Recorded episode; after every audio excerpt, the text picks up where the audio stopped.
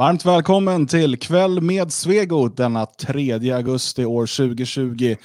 Idag ska vi tala om mångkulturens misslyckande och kanske framförallt om ansvaret. Vem bär egentligen ansvaret för den här misslyckade politiken och den här riktningen som Sverige och stora delar av Europa har tagit? Vi ska också återbesöka coronaviruset. Eh, vi ska prata om hyckleriet när det gäller eh, när det här viruset smittar eller inte. Eh, och kanske även en liten känga åt vårt eget håll när det gäller källkritiken. Eh, och sen ska vi också prata om det här med den nya gröna vågen. Är det en sån på gång? Är människor beredda att en mass lämna storstäderna för att flytta ut på landet och dra på sig gummistövlarna och upp med spaden och börja arbeta i jorden igen? Vi får se vad vi kommer fram till. Vi har eh, uppemot två timmar sändning framför oss och eh, glöm inte att eh, prenumerera på Radio Svegot på YouTube. Tryck gärna tumme upp, gilla på den här videon och dela med den till alla dina vänner och bekanta och även en del främlingar. Vi tre som sitter här ikväll är dock inga främlingar för varandra. Vi har gjort det här ett antal gånger förut. Jag heter Dan Eriksson och på min virtuella sida har vi Magnus Söderman. Vad är det som är så roligt? Björn tog en tugg av någonting. Sitter och äter i radio och tv. Sitter ni, och, sitter ni och kollar på varandra? Jag försöker kolla in i kameran.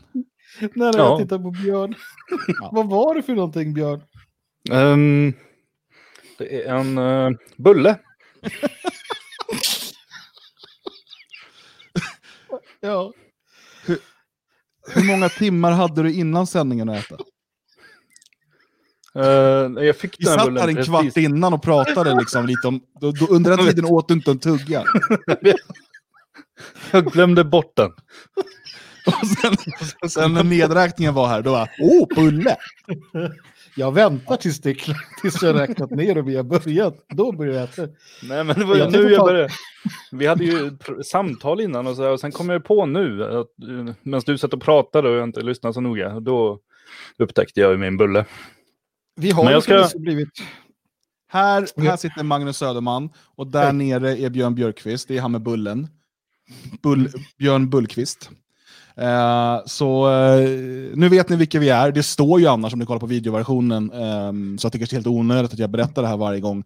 Men jag tänker ändå att det är bra att vara överpedagogisk, då vi har en del uh, lyssnare och tittare med lite sval intellekt. Ni Nej, men folk välkomna. brukar ju blanda ihop oss. har jag märkt.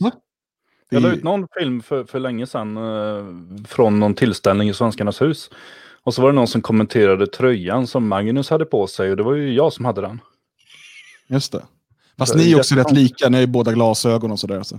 Men du vet Björn, är det inte som så att alltså, när kvinnor bor ihop eller vistas väldigt ofta nära varandra så, mm. så blir ju deras cykler eh, synkade. Och mm. lite så är det med mig och Björn, att efter alla dessa år eh, på barrikaden för detta så har vi blivit väldigt lika varandra. Det, det, det är där vi hamnar. Ni ser, eh, Dan är på väg åt det här hållet, men han är lite, lite yngre, va? så det är på gång. Det jag funderar mest Björn, det är liksom, hade du en supersnabb fest under nedräkningen när du hittade den här bullen? För dina, dina brillor är nämligen helt på sned också. Right. uh, uh. ja, men för att jag har ju fel hörlurar, jag hittar ju inte mina hörlurar. Fick... Nej, de är på huvudet kan jag säga. Jo, nej, det är inte mina. Jag fick sno ett par av min son här, så de är lite för små. Uh, så det, det får bli vad det blir detta. Jag kan inte ta ansvar för den här sanningen för jag har fel hörlurar. Jag um, har haft en hård arbetsdag. Uh, jag har inte riktigt fått upp lamporna där jag vill ha dem. Jag upptäck, folk brukar ju sitta och påstå, sjuka människor, att jag är rödhårig. Men jag har upptäckt att det är framförallt i det här ljuset. Och idag ser jag extremt rödhårig ut. Jag är för fan superblond, egentligen. Mm. Ja. Så... Och två meter lång, jävligt muskulös. Ja. ja. Men just det här ljuset är inte till min fördel. Nej, jag vet. Det är som de här lamporna jag har här, de ligger på 30 kilo. Men det, ja, det låter ju som ett gäng kärringar nu i alla fall. Det är en sak som är jävligt säker. Ja, det är härligt. Ett gäng ja. kärringar som ska försöka räta ut ett annat frågetecken här under de Men bara alltså, nu när det har tjatats om det här, då, då är det inte konstigt att jag fortsätter rätta upp min bulle under sändningen, eller måste jag vänta till musikpausen nu? Ja, vi får se, ni eh, i chatten får avgöra. Ni får skriva om ni tycker att Björn ska äta bulle eller om han ska vänta. Det, det är lite upp till er att bestämma. Vi får se hur, hur liksom stämningen är. Um, och dessutom vill jag jättegärna få ner i chatten, vare sig ni är på Facebook, eller på Periscope eller på YouTube och uh, ser det här live. Uh, kom gärna med låtönskningar. Vi har inte valt någon pausmusik. Så att uh, Ludvig som är producent håller koll på chatten och ser till att det kommer uh, några bra låtförslag som han skickar vidare till oss ifall att vi missar det i, i chatten. Magnus, vad har du gjort senaste veckan egentligen? Jo du, jag har gjort en hel del. Uh, bland annat det här.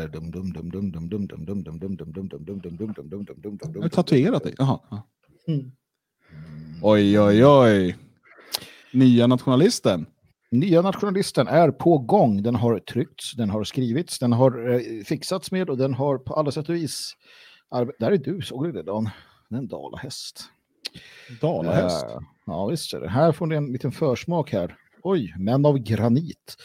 Så här i Pride-tider så, mm, vem vet vem som vill köpa den här då när de ser den. Uh, ja, det är lite allt möjligt här smått och gott. Fantastiskt nummer måste jag säga. Uh, hur bra som helst uh, utav Nationalisten. Ute snart i en butik nära dig. alltså på butiken på nätet till Det fria Sverige. Alltid nära dig. Eller i Svenskarnas hus.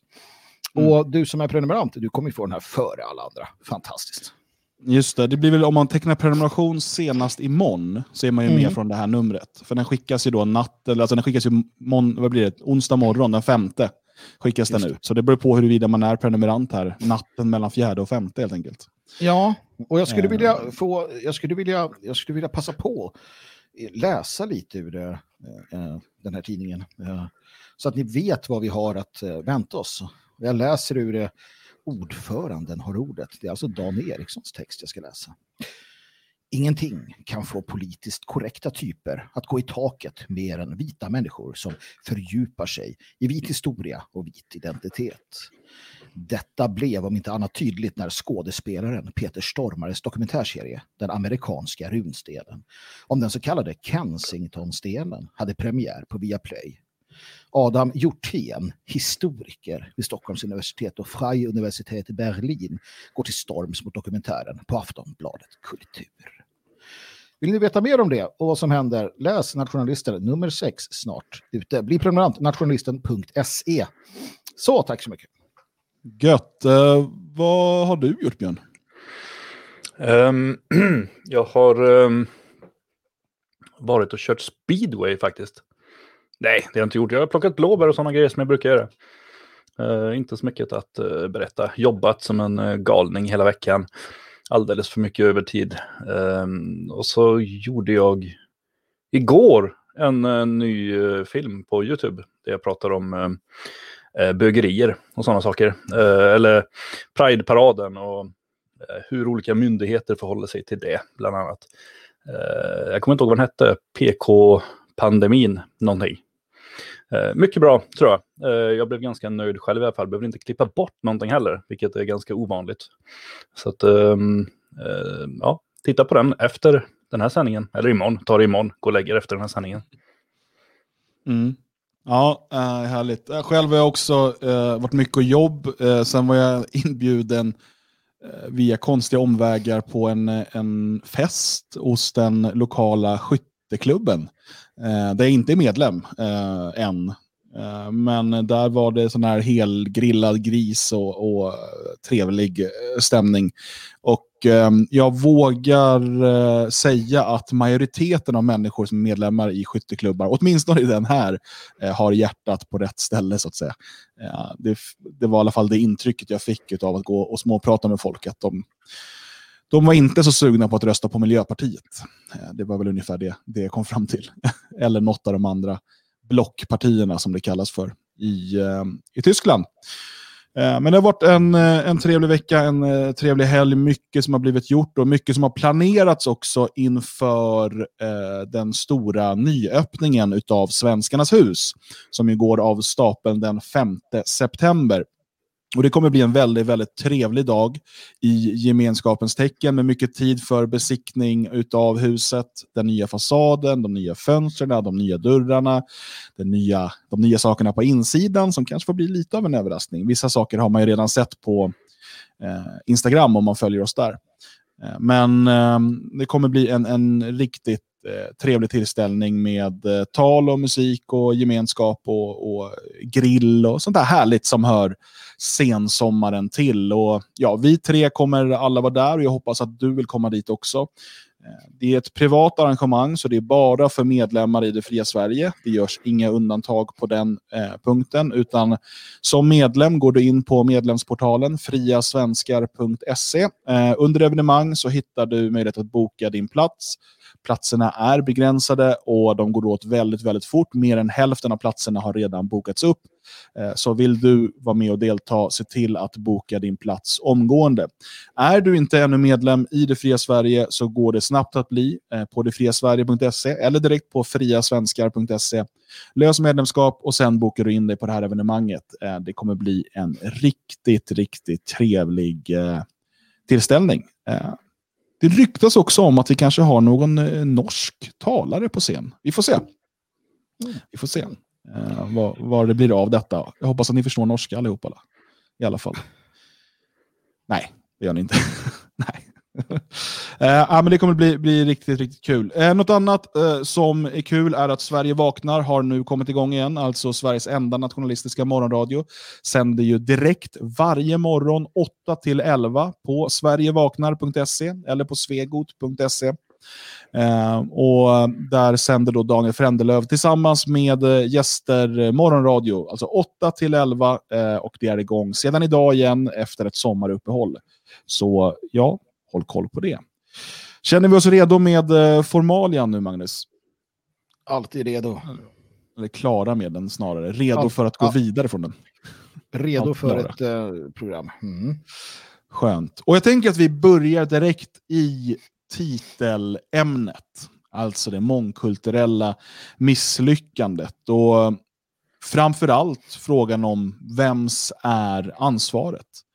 Och anledningen till att eh, vi vill ta det här ämnet nu, det är ju det här mycket tragiska mordet i helgen på en eh, 12-årig flicka i Norsborg, Botkyrka utanför Stockholm. Ett av alla dessa invandrarområden.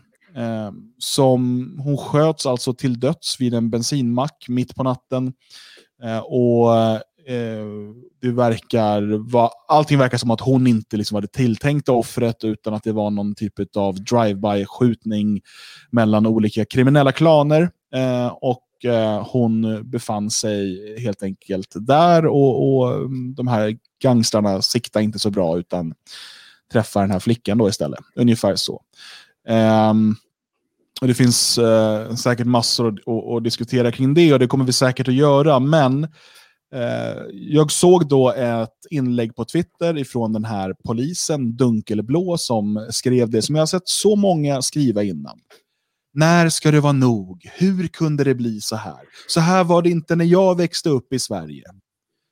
Min reaktion som alltid till de här människorna som säger det, för att i 99,9% av fallen är det sant, är att ja, från det Sverige som fanns har du röstat för den här utvecklingen. Du har röstat för det mångkulturella samhället. Varpå hans svar blir vad det alltid blir. Han svarar alltid kritiserar man honom och liksom hans vägval för Sverige eh, genom att rösta Moderaterna och liknande. Eh, så är det “Jag har gjort mer för Sverige den här helgen än vad du har gjort i hela ditt liv”. Det är hans standardsvar.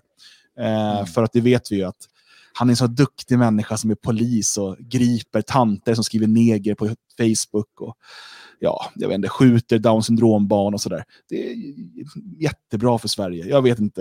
Jag är inte speciellt imponerad av människor som är poliser för Sverige AB 2020, helt ärligt. Um, men vems är ansvaret? Hur kunde det bli så här? Jag vill inte bli förledande i den här frågan, så jag, jag lämnar det öppet där. Vems är ansvaret att vi är där vi är idag, Björn? Man kan naturligtvis se massa olika ansvariga beroende på hur man tittar på det. Eh, till att börja med så kan man ju ändå konstatera att det är väldigt många människor, jag har sett nu till exempel på Twitter och på liknande plattformar som är ute och poängterar, jag såg det i Aftonbladet också, att man ska inte göra politik av den här skjutningen. Och Nej. där någonstans så hittar vi en väldigt bra, bra ledtråd. Därför att de som säger det, det är där vi hittar ansvaret. Det är de som är ansvariga. Det är de som ligger bakom den här politiken. De som nu tycker att vi ska absolut inte prata om det här, utan vi måste prata om andra saker. Vi måste sörja, vi måste tycka det var lite tråkigt, vi måste tycka det var lite synd och vi måste framförallt börja förbereda oss för hösten när det kommer nya tv-program att titta på. Och vi måste förbereda oss för kommande val. Men de människorna, det är framförallt människor på vänsterkanten, socialdemokrater, det är vänsterpartister, det är miljöpartister, det är centerpartister. Den här typen av människor, det är de som har drivit en politik som har möjliggjort att vi nu har mängder av kriminella eh, element i det här landet och inte bara enskilda kriminella utan hela kriminella släkter som, som rör sig runt och slåss om utrymme, slåss om narkotika, marknaden, slåss om um, inflytande på olika sätt över samhället utan att uh, rösta om det, så att säga. Um, de som har skapat det här är ju naturligtvis ytterst ansvariga. Sen finns det såklart också ett ansvar hos de som höll i vapnet och körde bilen och sådär. Men, men, men uh, det är ju någon som har hjälpt dem dit. Mm. Jag säger du Magnus, vem, vem ser ansvaret att, att Sverige är där vi är idag 2020? Att vi har det här skenande mångkulturella misslyckandet. Alltså, som Björn var inne på så är det ju, alltså det där ansvaret går att fördela ganska brett och vitt och, om man vill då. Man, man kan ju säga att alla som om vi tar när, när Sverige bestämde att det skulle vara en mångkultur, då, att alla som har röstat från V till KD under den tiden är ju delansvariga. Men någonstans så, så blir det, det, det, blir för brett också. Man kan inte eh, hålla varje individ ansvarig, för det finns, eh, och det har vi pratat om ofta, många olika skäl till varför människor gör som de gör eller inte gör som de gör. Um, utan, utan man måste ändå uh, så att säga koka ner det lite. Då tycker jag att vi hamnar ju hos politiker, höga chefer, eh, oftast politiskt tillsatta. Du hamnar hos eh, eh en hel del sådana här eh, aktivister naturligtvis. Aktivister av olika slag, vänsteraktivister som, som driver de här frågorna om öppna gränser och refugees welcome, allt vad du vill. För att det kommer ju visa sig naturligtvis om man någonsin får ta på de här människorna Uh, vad det är för typer. Och, och, vi vet under den här flyktingkrisen som, som var den senaste, alltså stora, när poliserna berättade att, att det kommer då så kallade flyktingar uh, till till exempel centralstationen. Och där kunde de se hur kända kriminella från de här nätverken, hur de då direkt hämtade dem och försvann iväg. Uh, varför har det blivit råare? Varför har det blivit mer skjutningar? Varför har vi den här ökningen? Ja, bland annat på grund av att det finns fler soldater. Det finns fler i subkulturen. Um, och, och, jag menar, om du tar, tar Södertälje-nätverket som har börjat röra på sig igen efter att ha suttit inne i tio år eller mer. Det tog polisen tio år för dem att komma till rätta med det här. Det tog enorma insatser. Det visar sig att den här operation Rimfrost och allt vad det heter, det gör ju ingen skillnad. Ingenting gör ju skillnad eftersom man fortsätter att vägra förstå var i själva, själva grundproblematiken ligger. Så att jag tycker att politikerna har det, har det ansvar de har. Um, alla politiker. Uh, jag tycker att media utan tvekan som fortsätter och de som är politiskt aktiva motståndare mot nationalismen eller mot Sverige på olika sätt och vis. Däremot den, den passiva liksom vanliga valboskapen tycker jag vi svårligen kan hållas ansvariga um, uh, den här gången i alla fall.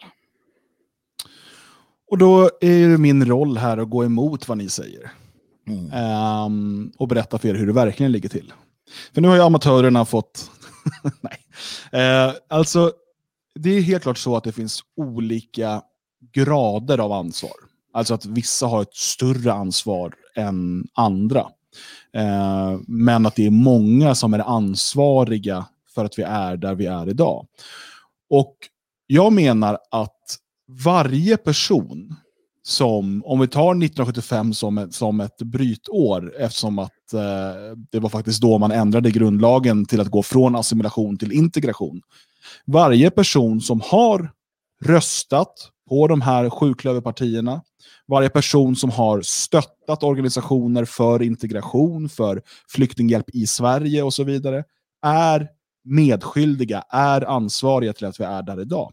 Det betyder inte att de har gjort någonting oförlåtligt, att de här människorna ska brinna i liksom helvetets eldar för alltid och så vidare. Den, det viktiga här, jag vet inte om det, om det liksom är taget från någon nästan kristen idé, eller sådär, men det viktiga här är att erkänna för sig själv att man har ett ansvar i den utveckling som vi har sett. För att bara då så kan man göra bot och bättring och fokusera sin kraft rätt. För att det som händer hela tiden, vare sig det är liksom dunkelblå på Twitter eller i stort sett varenda person man pratar med som har kommit till insikt om de här sakerna liksom, eh, in, i, liksom efter tonåren, så de har varit och röstat på sjuklöverpartierna, så säger de alltid att det inte är deras fel. Jag kunde inte veta. Det är omöjligt. Jag var lurad. Eh, och Absolut, media har fört människor bakom ljuset. Politiker talar med kluven tunga. Allt det där stämmer. Men du måste ändå inse att du har ett ansvar. Att du har ett ansvar. Att när, när människor säger jag kunde inte veta att, eh, att eh, Socialdemokraterna ville göra så här. Nej, men då kanske du inte skulle röstat. Då kanske du skulle läst vad de här människorna har sagt i riksdagens talarstol. Det, för det är inte så att det här talet om att svenskarna ska uppgå i det mångkulturella samhället och blanda ut sig och så vidare, att det är eh, någonting nytt. Fria Tider lyfter eh, i dagarna ett tal från den liberala eh, partiledaren eh, från 1969, nu minns jag inte vad han heter där, jag ska se om jag kan få fram det lite fort. Ehm, Gunnar Helén. 1969 så eh, håller han eh, eh, ett tal i riksdagen om hur Sverige ska bli ett mångkulturellt samhälle, om att det tidigare enhetliga Sverige ska försvinna, det kommer försvinna vare sig ni vill eller inte. Eh, han, han säger rakt ut att ehm, det finns de som kommer vara emot det här, det kommer vara hårda tider, det kommer vara etniska konflikter, men som tur är, som han säger då, ehm, kommer människor som är invandrarfientliga att dö ut. Och så kommer vi gå upp i det här nya mångkulturella paradiset tillsammans. 1969 sades det här från en partiledare i riksdagens stol, eh, talarstol.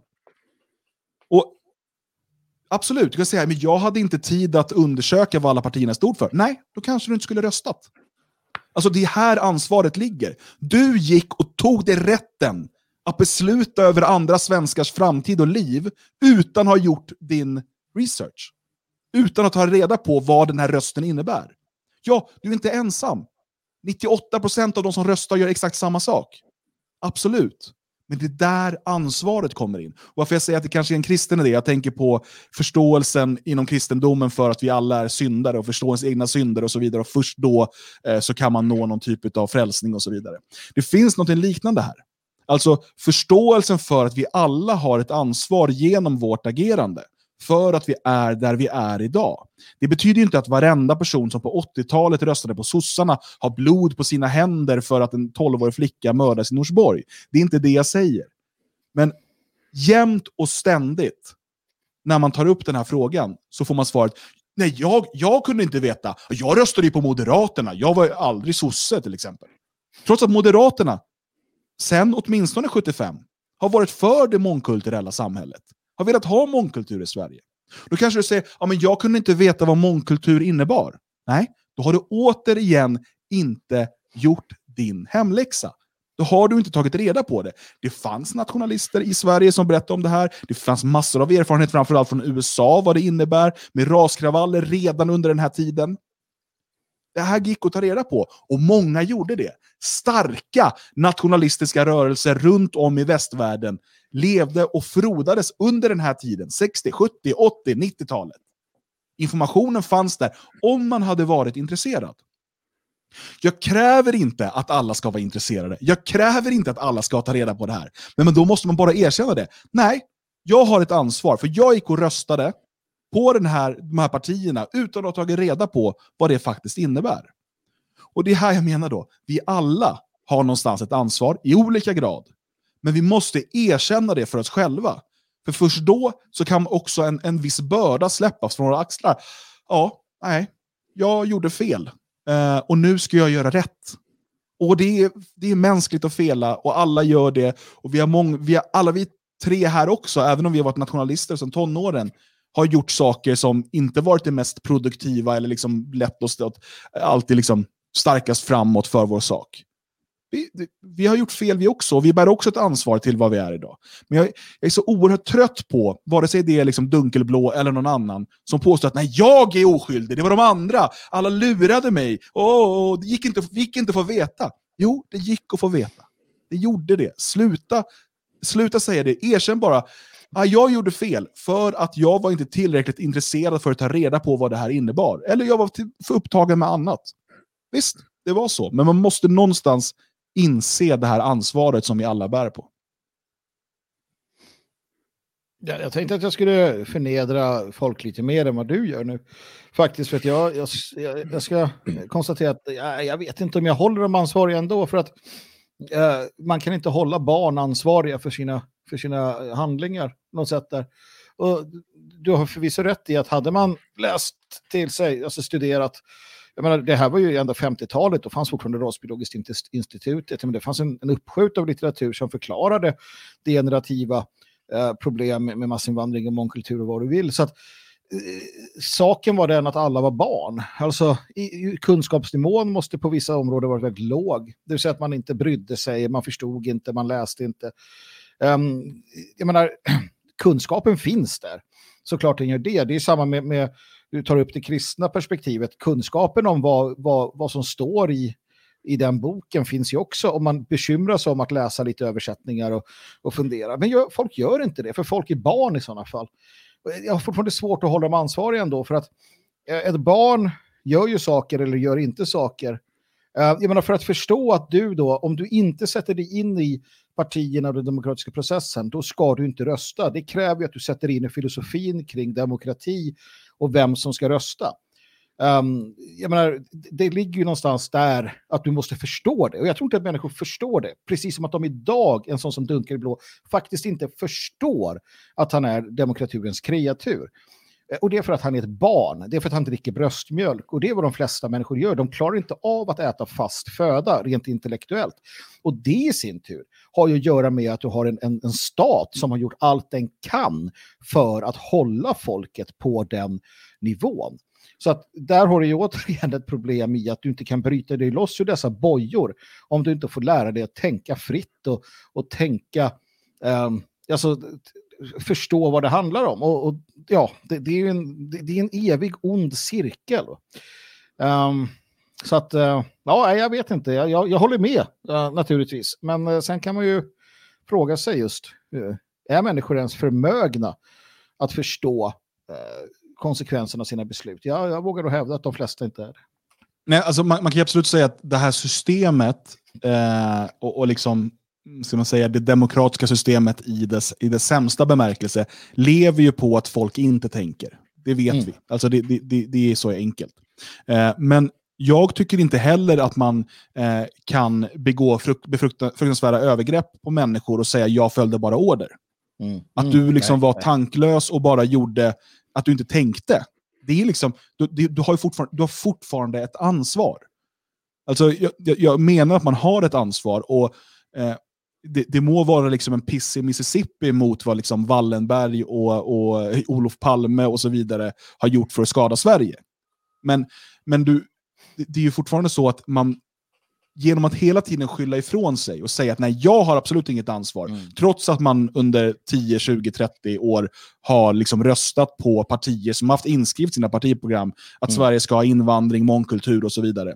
Eh, att bara liksom slå ifrån sig och skylla ifrån sig, eh, jag menar att då kan du inte riktigt um, jag menar att då kan, då kan du inte göra en ordentlig analys av vad du har gjort fel och därmed göra helt mm. rätt. Att, ja, att, att det, det, det, är för ens egen skull. Det är inte att du behöver gå upp på torget och ställa dig “jag gjorde fel, det är mitt Nej. ansvar”. Utan det handlar ju om för en själv. Ja, men, att man du, inser det. Du har ju inom, du är inne på tron igen, så låt oss fortsätta lite där i alla fall. Där har du ju idén om, om, om bikten. Uh, och katolikerna tycker på ett sätt och jag tycker på ett annat sätt och andra tycker på ett tredje sätt och så vidare. Men det handlar om att du inför någon säger okej, okay, fan, jag har gjort det här och det här och det här, det var dumt. Va? Nu för tiden kallas det psykologer som man ska gå till och och, skillnaden mellan att gå till en psykolog förresten och gå till en, en sin, sin liksom broder och bikta sig, det är att psykologen får gå till resten av livet. När du pratar med din fader i himlen så är det lugnt ganska sådär på en gång. Men det får ni välja själva. Men det finns någonting i detta som du är inne på, Dan, att, att förklara och berätta för någon, lätta ditt hjärta och säga okej, okay, jag, jag var delansvarig, jag har, jag har gjort detta, men nu ska jag fan nu ska jag visa att jag kan göra annorlunda. Och det är viktigt. Jag håller med dig. Alla bör alltid fråga sig själv, vad har jag ställt till med? Och sen bikta sig själv, antingen för sig själv eller för någon som man litar på, berätta, få ur sig detta och sen gå vidare. Um, och, och, det gäller alla de här jävlarna som säger att de inte hade något ansvar. Och nej, men jag har inte gjort det, ditten och datten och jag har alltid bla bla bla. De om några för ju vidare den här eh, lag, de här lagbrotten, den här laglösheten, det här de håller på med. Och jag, synd är laglöshet, bara för att klargöra varför jag säger så. Det vill säga att de, de bryter mot de fundamentala naturlagarna. Um, och, och de gör det fortsatt. Och det gör man tills man erkänner att man är en lagbrytare som, som är i behov av tillrättavisning. Och en del av våran uppgift som nationell opposition det är att tillrättavisa de människorna som du gjorde med Dunkelblå som gömmer sig bakom sitt alias. Tillrättavisa dem och säga det att du din jävel. Va? Så. Uh, och så får de väl hata oss ännu mer. Uh, eller så tar de det till sig, men uh, det måste sägas. Så det är helt sant. Björn, hur galen är jag? oj, oj, oj, folk skulle bara veta.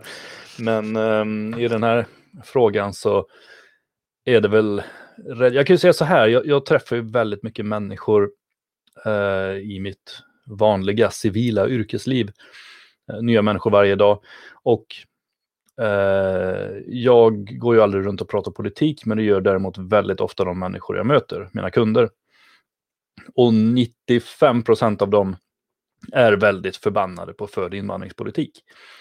Men tämligen ofta, senast idag faktiskt, eh, så flyttade jag en tant eh, som berättade att hon eh, röstar på Moderaterna.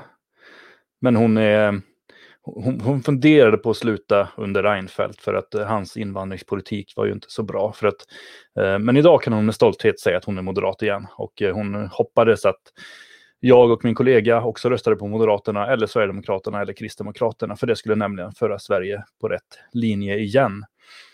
Eh, för några dagar sedan så träffade jag en annan människa som eh, sa att eh, han numera var sverigedemokrat. Han har tidigare röstat på Moderaterna, men Reinfeldt förstörde ju det här. Reinfeldt förstörde Moderaterna och eh, efter det så kunde den här personen inte gå tillbaka.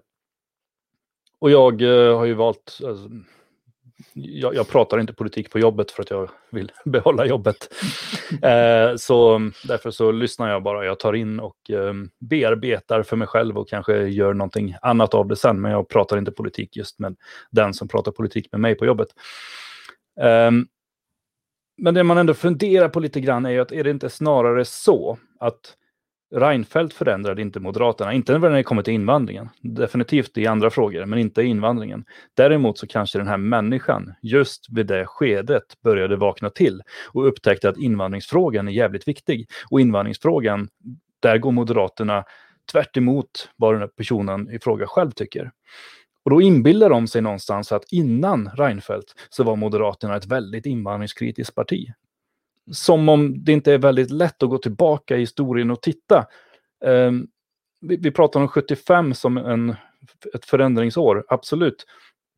Men Moderaterna var inte svåra att övertyga där. Där den politiska kampen, där de satte in eh, alla insatser för att förändra något parti, det var ju Socialdemokraterna därför att facket ville inte ha någon enorm invandring. Det var sossarna man var tvungna att påverka så att de skulle börja ändra inriktning. Moderaterna var redan på tåget. De ville ha billig arbetskraft. De ville eh, ha hit människor från alla möjliga håll därför att rotlösa människor är betydligt lättare att styra i ett konsumtionssamhälle, vilket är det Moderaterna har eftersträvat åtminstone sedan efter andra världskriget.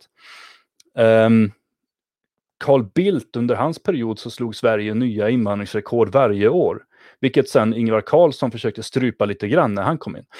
Um, så, så, att komma och hävda att Moderaterna plötsligt förändrades med Reinfeldt, det är ju bara för att man är blind eller för att man verkligen inte vill se. Man vill inte inse att man själv eh, förändrades. För jag kan mycket väl tänka mig att de här människorna som röstade glatt på Carl Bildt, de, de var för EU, de ehm, eh, kanske för NATO, de hade lite idéer om lägre skatt och så vidare. Invandringen var ingen fråga för dem därför att det fanns inga invandrare där de bodde. Men när Reinfeldt väl tillträdde, då hade det börjat komma så pass mycket invandrare överallt att de började uppleva det som ett problem. De såg dem ute på gatorna, stadsbilden förändrades. Det där lilla kaféet eller järnhandeln som fanns tidigare har lagts ner och istället ligger någon pizzeria eller någon utländsk hårfrisör eller vad som helst. Och då börjar man uppleva att det här är ju inte det Sverige jag växte upp i. Man läser om skottlossningar och man kanske till och med hör skottlossningar och bomber och liknande. Och man känner att det här är inte det Sverige jag vill ha. Fan jävla Reinfeldt vad han har förstört det här. Men han var ju mm. bara den sista i ledet. Han var ju en naturlig följd av Carl Bildt och alla de andra landsförrädarna före honom. Och det måste ju ändå människor se, för att den här invandringspolitiken kom inte från någonstans, utan den har ju pågått i årtionde efter årtionde. Det har ju bara accelererat. Det, inte, det är inte så att det har plötsligt uppstått.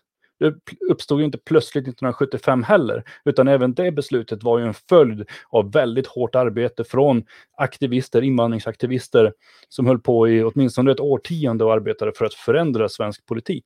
Och där var Moderaterna definitivt med på tåget, liksom så småningom Socialdemokraterna och alla de andra partierna. Men det finns ju några problem här och ett sånt här problem det är just det här att förstå och, och det är återigen att man inte kan sin historia. Det Björn berättar är ju helt sant. Uh, är det några som i det här landet har varit för massinvandring så är det moderater, borgerligheten. Vänstern har varit mycket mer motsträvig.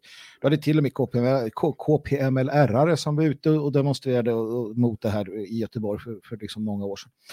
Um, så, så, så, är det ju. Men det är ju samma som det här att ja, men, AFA är fascister. Nej, de är inte fascister. Och det är det som är problemet. Hade de varit fascister hade det varit helt okej okay att göra med dem. Och så vidare och så vidare. All den här begreppsförvirringen och just det här problemet med att, att många människor nu har tillgång till sociala medier och kan liksom blö, vräka ur sig sin dumhet. Och det gäller också då folk på vår sida som ibland är dummare än, än liksom tåget gör ju hela ännu svårare. Och här sitter då ett antal personer, vi, tillhör, vi tre tillhör dem och det finns fler, och försöker nå ut med det så här, men vänta, nej, eh, Tuffe Uffe är inte lösningen. Han är en del av, ja, nej, nej, nej, nej, ja, men, och så vidare. Va? Eh, och det gör det hela problematiskt. Och sanningen är ju den, återigen om vi tittar, år 2000 så gruppvåldtogs en 14-årig flicka i Rissne. Det är kanske den stora, första stora gruppvåldtäkten, i alla fall som, som jag känner till, det var då det började inom citationstecken. Uh, och vi var ute och, och, och, och, berättade om det här till människor, det här är vad som händer nu och så vidare. Och, och, och somliga sa, men nu får det vara nog. Men det hände ingenting. Alltså 20 år senare så gruppvåldtas det fortfarande flickor. Uh, och, och, att en 12-åring mördas nu uh, av en förlupen kula, det är bara att vänja dig. Titta på USA som ändå till viss del ligger 20 år före oss kanske. Alltså, där har man ju det här varje dag, det här med drive-bys och liknande. Och det kommer fortsätta så i Sverige. Det finns ingenting, det är ingenting som tyder på att det här skulle ändra sig. Och jag menar, sanningen är den att tidigare så höll de sig väldigt mycket nära sina egna förorter, men nu börjar man ju röra sig um, ännu vidare kring. Så att, så att uh, jag läste att de hade haft något, något sånt här kriminellt gäng som hade stormat någon nattklubb i Stockholms innerstad och så vidare för att de inte fick gå på krogen och så vidare. Alltså det är ingenting nytt det här. Du hade ju de här som sköt in i någon nattklubb, för det var ju också 20 år sedan eller någonting. Är mer, 94 tror jag var Thomas Zethraeus. Ja, precis. Mm. Alltså den här typen av, alltså det är en, det är en del av det mångkulturella samhället och fa faktum är att den här senaste flyktingkrisen som så många har vaknat till. Så, så återigen, även på, i början på 90-talet så hade vi problem i vissa områden mycket mer än andra naturligtvis. Men, men nej, det här kommer ju inte göra någon skillnad. En 12-åring här, en 14-åring där. Alltså i USA så mördade Black Lives Matter en 8-åring. Som att någon brydde sig. Det, det är inte mm. ens intressant i media.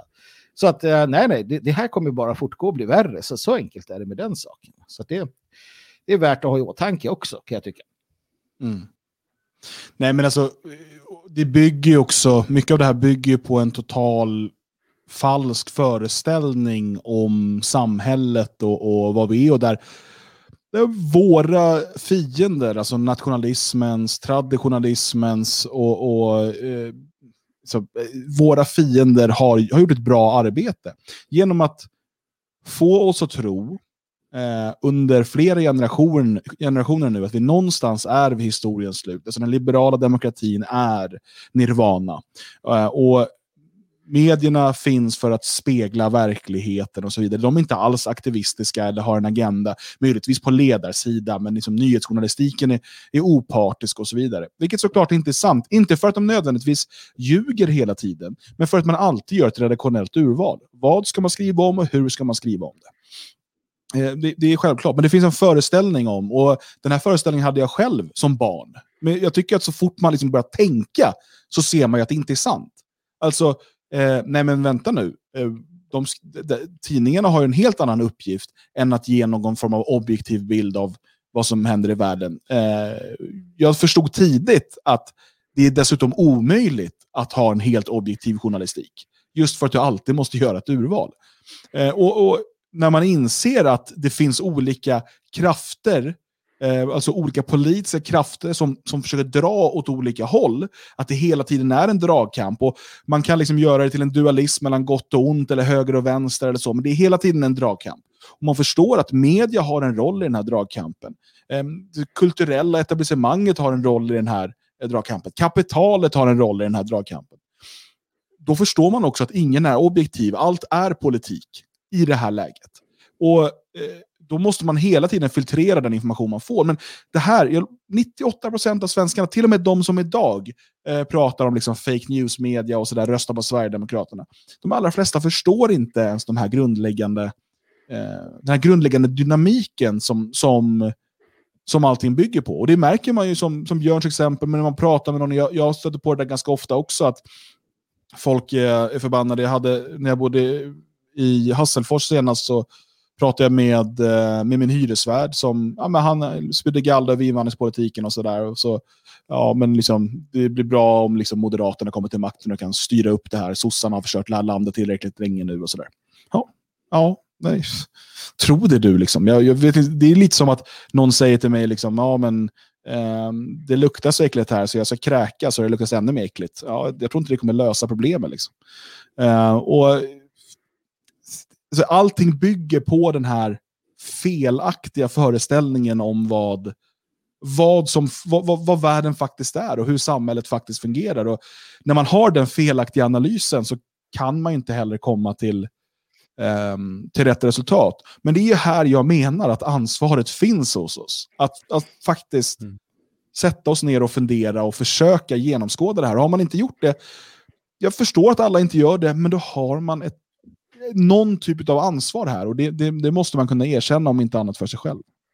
Alltså jag, jag tror vi, vi kommer ju någonstans, um, sista ämnet, gå in på det här så jag ska inte göra det för mycket nu, men jag tror någonstans i grund och botten, alltså om vi tittar på människan, vad vi är för någonting. Vi, vi började gå runt och vara samlare och jägare och utvecklare så småningom och insåg att fan, vi behöver inte hålla på och kuta runt överallt, utan vi kan sätta vårt eget bo, vi kan slå oss ner i en grotta eller bygga ett hus av grenar och, och vara där och hålla våra djur intill oss och sen döda dem när vi är hungriga istället för att uh, ut och jaga dem.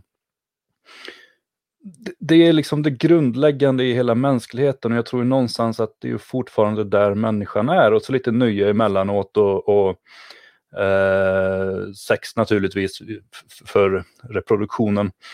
Eh, så, så, finns det ju som en naturlig instinkt också. Och det är där någonstans människan är och det är det det handlar om för de allra flesta människorna. Man vill ha ett hem, man vill ha sin mat, man vill eh, roa sig. Punkt. Det, det, det är så det är. Och, och sen avkräva då varenda människa att de måste gå och bestämma vart fjärde år hur Sverige ska styras. Det, det, är ganska absurt i grund och botten därför att de flesta har ingen aning. De går inte runt och tänker på det på dagarna. De går inte runt och tänker på det överhuvudtaget. Och sen ska de, alltså framförallt Mona Salin var ju duktig på det där och alltid tjata om att det viktiga är inte vad du röstar på utan det viktiga är att du går och röstar. Varför då? Alltså, varför ska det vara viktigt, om man inte är intresserad av politik, om man inte bryr sig, varför är det då viktigt att gå och rösta? Det är bara för att då hamnar rösterna på Socialdemokraterna. Det viktiga för vanliga människor är ju att de lever, att de mår bra, att de klarar sig, att de har en um, omgivning som de trivs med. Det, det handlar inte om speciellt mycket svårare saker. Så att jag vet inte, det är svårt där om man ska skylla på vanliga människor som har röstat på sossar och moderater för att, för att de inte är kloka nog. Men precis som Dan är inne på, de måste ändå inse att de har gjort fel. Det, det ja, det precis. är Jag, grunden. jag tror att man måste skilja på skylla på och att inse att man haft ett ansvar. Uh, jag menar inte, det här handlar inte om att peka finger och säga att det här är ditt fel. Utan det är just den här reaktionen när man, när man säger jag har inget ansvar, jag kunde inte veta bättre. Det är det jag inte köper. Utan det är mycket väl så att du inte visste bättre, men du kunde ha vetat bättre. Alltså har du ett ansvar. För du har inte gjort liksom, den, den, det arbete du skulle ha gjort innan du tog dig makten att gå och bestämma över andra människors liv. Vilket är vad du gör när du går och röstar. Alltså, det, det är ju en oerhörd makt på det sättet, även om den liksom är, eh, också kan på många sätt fungera som en chimär. Men du tar dig ju makten över andra människor.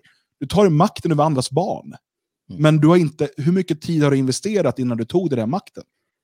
Och, och, och, då menar jag, då har man ett ansvar. Sen, sen absolut, jag, jag, liksom man, man, är, man är förd bakom ljuset. Man, på, sen, på sen tycker, Sen tycker jag ju också, ska jag ju säga, att jag tycker att man, när det är val, att man ska gå och rösta på ett invandringskritiskt parti. Eh, men det är ju för att det här systemet ser ut som det gör. Eh, jag hade mycket hellre haft ett annat system som inte byggde på att en massa människor som inte har en aning om någonting ska sitta och bestämma över allting.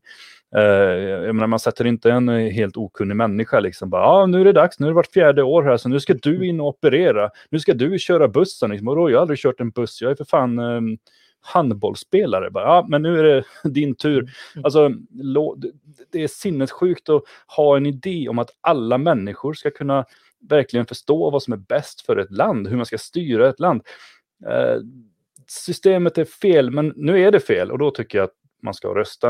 Eh, i och att, om inte annat för att sända någon form av signal och visa andra att vi är fler. Men det, det finns ju... Ja, alltså jag får bara säga, uh, innan jag släpper in det här Magnus, uh, att det finns ju ett, ett, problem, för jag ser det i chatten här, någon som skrev att nu är det många som har vaknat upp till det här och så vidare. Ja, är det det? På allvar, alltså är det verkligen det? 99% av svenskarna röstar mot återvandring. De röstar på partier som inte är för återvandring. Det finns, de röstar antingen på sju partier som är för integration eller ett parti som är för assimilation. Inget parti, för att, om vi ska prata sen om vad är lösningen på det här och så vidare, för det kommer lite sådana frågor också. Inget av de partierna som är i riksdagen, eller som 99% röstar på, vill ju, eller kan ju i grunden lösa den här problematiken. Mm. Inte med den politik de har presenterat nu i alla fall. Sen om de har en hemlig politik som de kommer presentera när de har makten, det, det kan man liksom inte spekulera om. Då, blir det, då kan man lika gärna hålla på med Lotto. Liksom. Um, men, men har de verkligen insett så himla mycket? För jag märker när jag pratar då med människor som, som liksom ska rösta på Sverigedemokraterna och sådär, som nu har sett att allt går åt helvete. Så är det ju liksom, ja men, men de vill ju fortfarande ha globalisering. De vill fortfarande ha eh, liksom en stor del utlänningar i Sverige. De vill, så länge de liksom inte har slöja på sig och så länge de inte går i moskén så, så liksom gör de ingenting. Och jag har ju ändå liksom thai-fru och, och sådär. Så att, alltså, har de verkligen... Alltså jag, jag, jag tror snarare så här att de direkt negativa konsekvenserna av massinvandringen, som kriminaliteten, eh, klankriminalitet och så vidare, har kommit mycket närmare och man börjar bli rädd om sitt eget skinn. Och man försöker desperat hitta en lösning på det. Men har de, när jag återigen säger det, göra den här analysen, förstå vad problemet är. Är det verkligen så många fler som har gjort det? Nej. Jag menar inte att här, kasta svarta piller till er nu, utan vi måste, vi måste fråga oss själva, är det verkligen så många som på allvar har insett vad problematiken är och varför ett mångetniskt, mångrasligt, mångkulturellt samhälle aldrig kan fungera så harmoniskt som ett etniskt homogent samhälle kan. Jag är osäker. Det är säkert fler än vad det var för 15 år sedan, men är det så himla många? Tyvärr tror jag inte det. Nej, det är det inte. Varför skulle det vara det? Jag menar, det, det som du säger, visst det kommer närmare och sådär, men det är fortfarande så att du kan leva ett ganska bra liv. Och sen måste du förstå också att det finns någonting som, som heter att du vänjer dig. Det finns en bra låt om det. Du vänjer dig vid gängskjutningar. Du vänjer dig vid osäkerhet. Du vänjer dig vid att köra dina barn till, eh, Eh, hockeyträningen eller någonting istället för att ta eh, istället för att barnet i fråga får gå dit. Det har man ju gjort i USA till exempel. Där har man the talk, man pratar med sina barn om att eh, akta dig för det här, akta dig för det där. Ja, så att det är inga konstigheter, det där kommer folk. Det, det, nej, nej, nej, det är inte så många. Och jag har svarta piller hit och dit. Um, jag, jag, hoppas att de som lyssnar på det här kan, kan förstå verkligheten. Jag skiter i hur jobbigt det är. Jag, jag, jag bryr mig inte om, om, det, om man blir lite ledsen i ögat. Va? För att det här handlar om, om vårt folks framtid och vår nation. Uh, jag kan sitta här och kasta liksom, uh, prideflaggor omkring mig. För, för glatt och mysigt och allting kommer lösa sig. Så där, men då ljuger jag ju. Utan vi måste vara seriösa. Vuxna människor. Till skillnad från det här packet där ute så dricker vi inte bröstmjölk när vi har passerat en viss ålder. Vi äter fast föda rent intellektuellt. Och med det så kan jag väl också hoppa in då, tycker jag, på den frågan som ställs som jag hittade här. Uh, vad är lösningen till det här eländet då? Ja, det ska jag be att få tala om, för det vet ju nämligen jag. Och lösningen är uh, precis det som Edmund Burke tillskrivs skulle ha sagt. Uh, och det här gäller alla er, alla er som lyssnar. Uh, jag tror inte att det var han, det, det ifrågasätts huruvida det var han eller inte. Men det här citatet lyder, det enda som krävs för ondskan att triumfera är att de goda inte gör någonting. Och så länge vi fortsätter att inte göra någonting, alltså, eh, allt förutom att inte göra någonting är lösningen. Det vill säga, säg någonting. Gör någonting. Betala in pengar till de som säger och gör någonting. Var med och hjälp till i oppositionen. Rösta naturligtvis. Stötta, jag ser att man skriver om Jeff Ahls, äh, Jeff Ahls äh, YouTube. Stötta den, stötta Björn. Um, ni behöver inte alla hamna på frontlinjen. Uh, skulle man fördjupa det här så kan vi se de olika aspekterna av den opposition. Du har ett arriärgarde, du har propagandisterna, du har anförarna, du har den här breda allmänheten. Alla har sin plats. Men så länge du inte gör ett jävla dugg, ärligt talat, Uh, och att lyssna på det här programmet, men ingenting annat, det är att göra inte ett jävla dugg, ska jag be att få tillägga. Så länge, man, så länge det fortgår, ja, då låter de goda människorna, de onda, att göra som de vill. Men så fort de goda människorna börjar göra någonting, ack så lite någonting för att, för, att, för att flytta fram våra positioner, ja, då kommer den här äh, hydran att i snabb takt bli av med sina huvuden. För att det finns någonting här och det är att, att sanning, rättvisa, alltså det som är rätt, faktiskt jagar bort det här onda mörkret. Det är så. Tänder du en lampa i ett rum, och det spelar ingen jävla roll hur mörkt det än är, tänder du lampan, då flyr mörkret direkt. Och det är så. Och det har historien visat oss om och om igen. För vissa så kan det vara eh, enkel propaganda, men det finns en sanning i detta. Testa och säg sanningen i ett rum fullt med människor och du kommer få se hur någonting händer. Det, det, det, det är en, en, befriande, en befrielse som sker.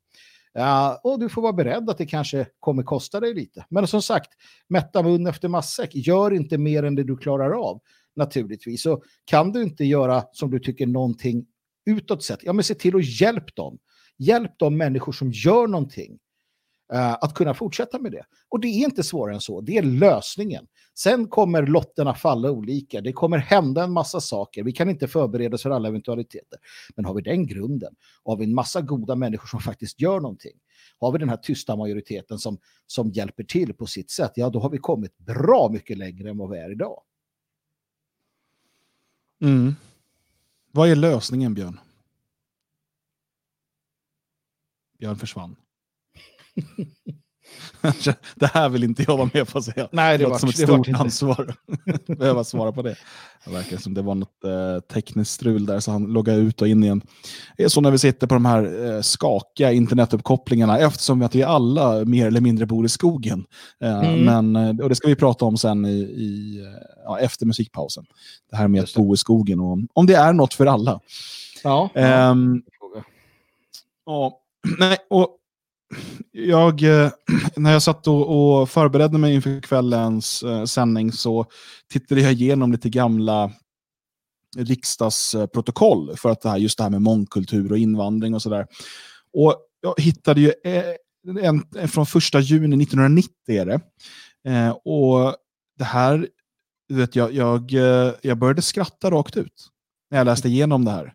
För det roliga är ju med sådana här eh, protokoll är att man, man eh, skriver ju ner allting när folk applåderar och så vidare. Mm. Eh, och Det här är alltså då 1 juni 1990.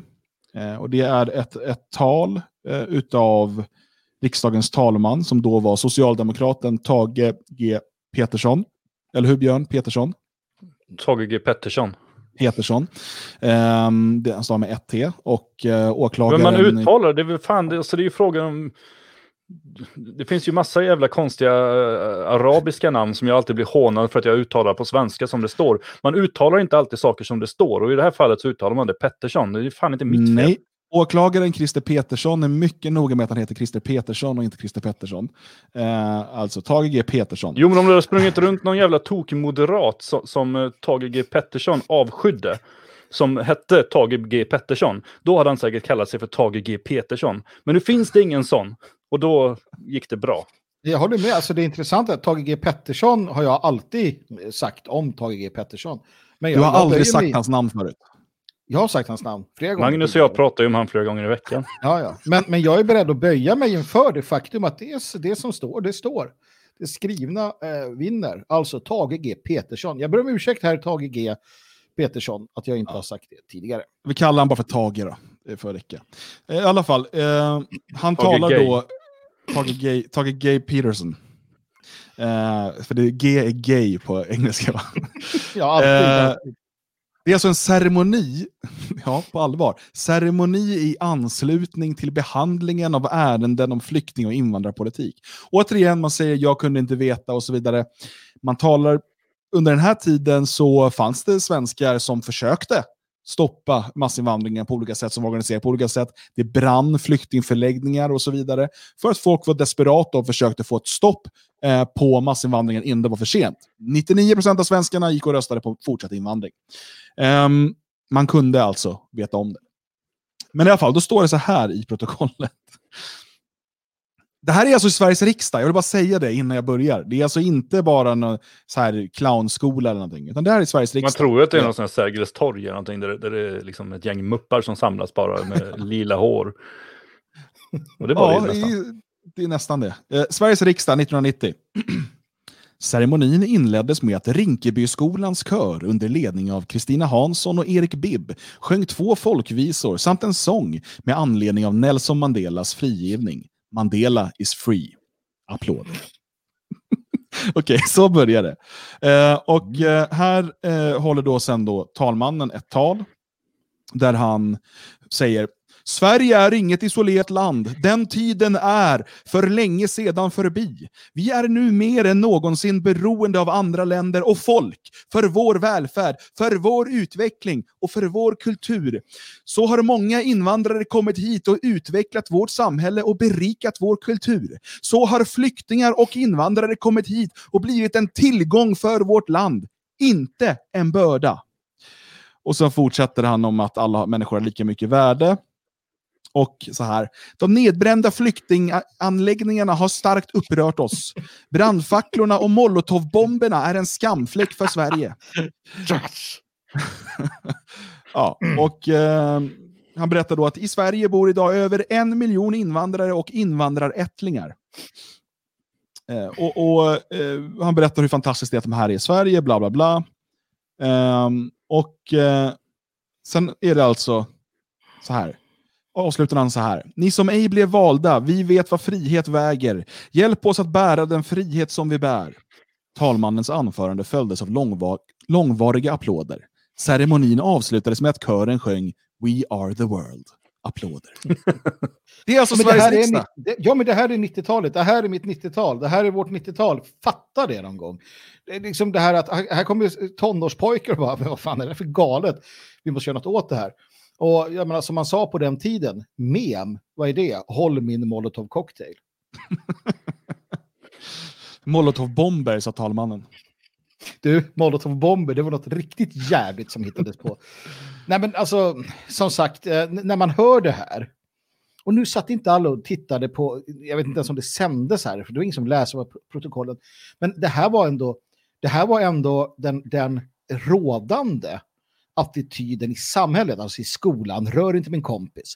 I, i, i media, alltså långt mer än nu, så var det den rådande attityden. Det var mycket, mycket mer hårdfört i, alltså för flyktingmottagande och allting. Björn, eh, hjälp till här nu.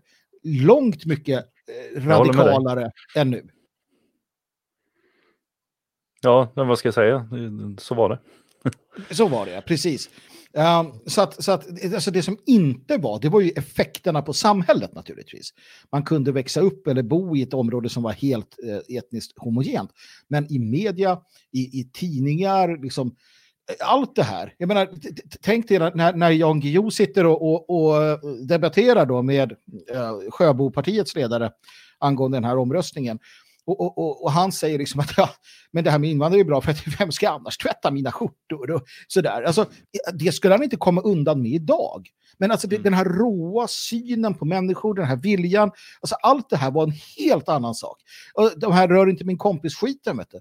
Hade man inte sånt där, du, du, du var ju en särling direkt. Du kunde lika gärna bli skinhead och ha kors uh, på dig om du inte hade rör inte min kompis. För då, jävlar, så visade du att, att du inte ställde upp i skolorna överallt. Alla gick med den skiten. Va? Och vi mm. som inte gjorde det, då var det direkt så här, de där jävlarna, det vet vi vad vi har dem. Och då var det bara sig Heide och kör hårt. Men vilket år kom Rör inte min kompis? Det är ett ganska, jag tror det är 80 någon gång. För jag, jag, tror att jag sprang omkring med det typ i ettan. Och, så här, och det var ingen ja. som talade om för oss att det handlar om rasism. Utan det kom någon och delade ut det. Och det var typ att man ska inte hålla på med mobbning och man ska vara snäll. Och det var liksom ja, kul märke att sätta på jackan som man fick gratis. Uh, så jag, jag, tar på mig det här. Jag var naiv och jag eh, hade inte läst på vad jag bar runt med. Ja. Det är bra att du tar ditt jag har försökt, uh, ja, jag har försökt um, uh, råda bot men, men alltså, och uh, bättring. Men alltså, så här, det, var ju, det började i Frankrike 85, men enligt Wikipedia då, så kom det då till Sverige via SSU, vilket också är intressant, mm. för man hade det här typ i alla skolor. När det, men jag fick för mig att det var en statlig kampanj, vilket det typ är om det är SSU som gör det i och för sig. Mm. Mm. Um, och det kom då efter ett bråk i en taxikö det var så, liksom ursprunget till att det här kom till Sverige. Där en utlänning ska ha blivit kallad jävla svartskalle. efter mm. att ha trängt sig i kön. Eller om då sven nej, svenskarna trängde sig före. Och kallade då en, en utlänning för jävla svartskalle. Mm. Och då behövdes en kampanj för att lära svenskarna att bete sig mm. mot de här stackars utlänningarna. Eh, så att SSU eh, drog igång kampanjen och eh, eh, ja, som jag minns det hade väl alla sådana där knappar. Ja, ja. Nej, men det, jag vill, det jag vill någonstans komma till här, alla hade det inte, det var en del som inte hade det, men det jag vill komma till, det är ju det här att, att bubblan var gemensam på den här tiden. Och, och det här kan nog inte, jag tror inte att, alltså idag, eh, ungdomar, un, dagens ungdom, uh, förstår inte det här. Jag tror inte att dagens äldre förstår det här heller. Av det enkla skälet att de lever kvar i, i det gamla, man har inte tänkt med. Men det här att du har olika bubblor, att du har olika Alltså, det fanns Aftonbladet Expressen på kvällen och det fanns DN och SvD på morgonen. För de flesta, sen hade du lokaltidningar. Men det var de läger som fanns. Och folk sket egentligen i vad det var. Alltså det fanns inga bubblor. Du, du var en del av en enda stor bubbla. Uh, sen hade du naturligtvis dina vänner och sådär. Vi hade skinnskallarna eller vi hade hårdrocken eller punkarna. Men fortfarande så att samhället var samhället. Alla läste samma information. Alla fick samma nyheter. I princip. Du hade, haft, eller du hade TV1 och TV2 och sådär. Idag kan du på ett helt annat sätt vara i din bubbla och leva där. Du kan leva där. I, I princip ditt liv kan du leva där utan att påverkas. Du kan beställa hem saker, du kan ta bilen till jobbet, du kan och så vidare.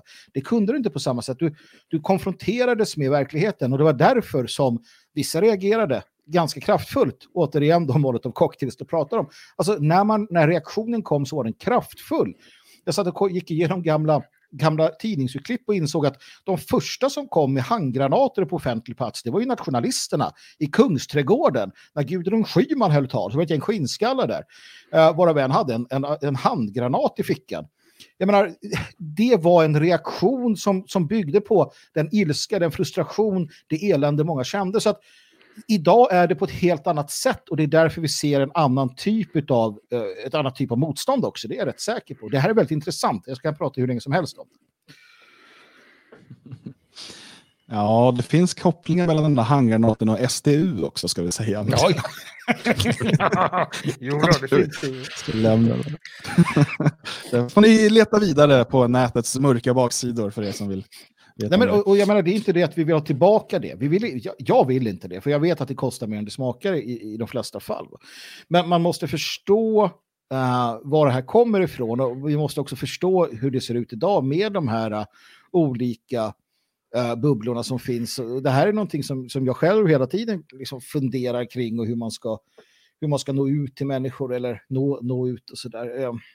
Och just det här, varför ser vi inte det vi såg då? Det är långt mycket värre. Idag, idag blir folk pissade i munnen och jag menar, det är allt det här råvåldet som riktas mot oss. Hur kommer det sig att vi inte får den reaktionen som vi fick i början på 90-talet när det egentligen inte fanns eh, när det egentligen inte fanns det våld och det elände mot oss va? Um, och så vidare och så vidare. Och det här är viktiga frågor som vi måste eh, prata om, fundera kring och, och ja, helt enkelt hantera. Mm. Ja, um, jag vet inte om vi riktigt svarar på frågan hur ska vi lösa det. Men det är ju liksom ingen slump att vi organiserar oss i det fria Sverige och att vi uh, försöker bygga upp våra egna områden och våra egna strukturer och så vidare. Ehm, jag tror att om man eh, vill förstå bättre hur vi ser en, en framtida lösning så bör man kanske studera det Sveriges visionsskrift och så vidare. Eh, för att eh, mycket finns där. Med det inte sagt, jag tycker det är viktigt att påpeka det, jag tror ni båda har varit inne på det, eh, att man inte ska använda alla verktyg som finns. Alltså rösta på partier som vill Sverige väl och så vidare. Jag ser inte det som en lösning. Däremot ser jag det som ett verktyg i den jättestora verktygslåda som vi, som vi har tillgång till. Och vi ska använda alla möjliga verktyg för att, för att påverka eh, och för Mm. att komma, komma till en lösning. Viktigt, viktigt, viktigt. Jag vill ha sagt, jag kan framstå ibland som väldigt sådär att jag, att jag längtar tillbaka till ga- gamla tider och, mycket av det som fanns där. Men jag vill faktiskt tydliggöra, det kan finnas unga som lyssnar, det kan finnas andra, att det, det vi gjorde var inte lösningen. Alltså, att springa runt och, och ägna sig åt offensivt våld på det sättet vi gjorde, det var inte lösningen. Um, uppenbarligen inte. Och det är det definitivt inte idag då, då vi har den övervakningsstat och den, den makt vi har emot oss. Till snarare kan det vara farligt för människor idag. Det är en helt annan typ av motstånd och så vidare. Uh, däremot att göra sig förberedd för att kunna hantera situationer där man måste agera i självförsvar, det är någonting helt annat. Så att det uppmuntrar jag. Men den här typen av offensivt våld som vi använder oss av, den vill jag å det kraftfullaste säga åt er att inte pyssla med. Uh, för det är inte vägen framåt. Det, det måste jag understryka. Nej, det, det, det tjänar liksom ingenting till och eh, det slutar bara med eh, att du själv förmodligen hamnar i fängelse och så kan du inte göra något vettigt. Mm. Ehm, så det finns, eh, det finns, finns absolut ingen, ingen mening till det. Vi ska ta en musikpaus eh, och när vi är tillbaka så ska vi återbesöka coronan, eh, prata om såväl hyckleriet som problemen med brist på källkritik. Och så ska vi prata om den nya gröna vågen, om det verkligen finns en sån och, och vad den kan eh, innebära. Det är ni som har fått välja musik och det blir värmländskt i form av Runa med Visan. Ja, den heter så. Den här är ungefär tre minuter lång, så om mina kära medpratare här behöver gå på toaletten så får ni göra det fort. Hur lång ska du? Tre minuter. Oj. Det räcker för dig, Björn. Det räcker för dig. Spring nu. Spring, hej då. Vi kör igång eh, och är strax tillbaka.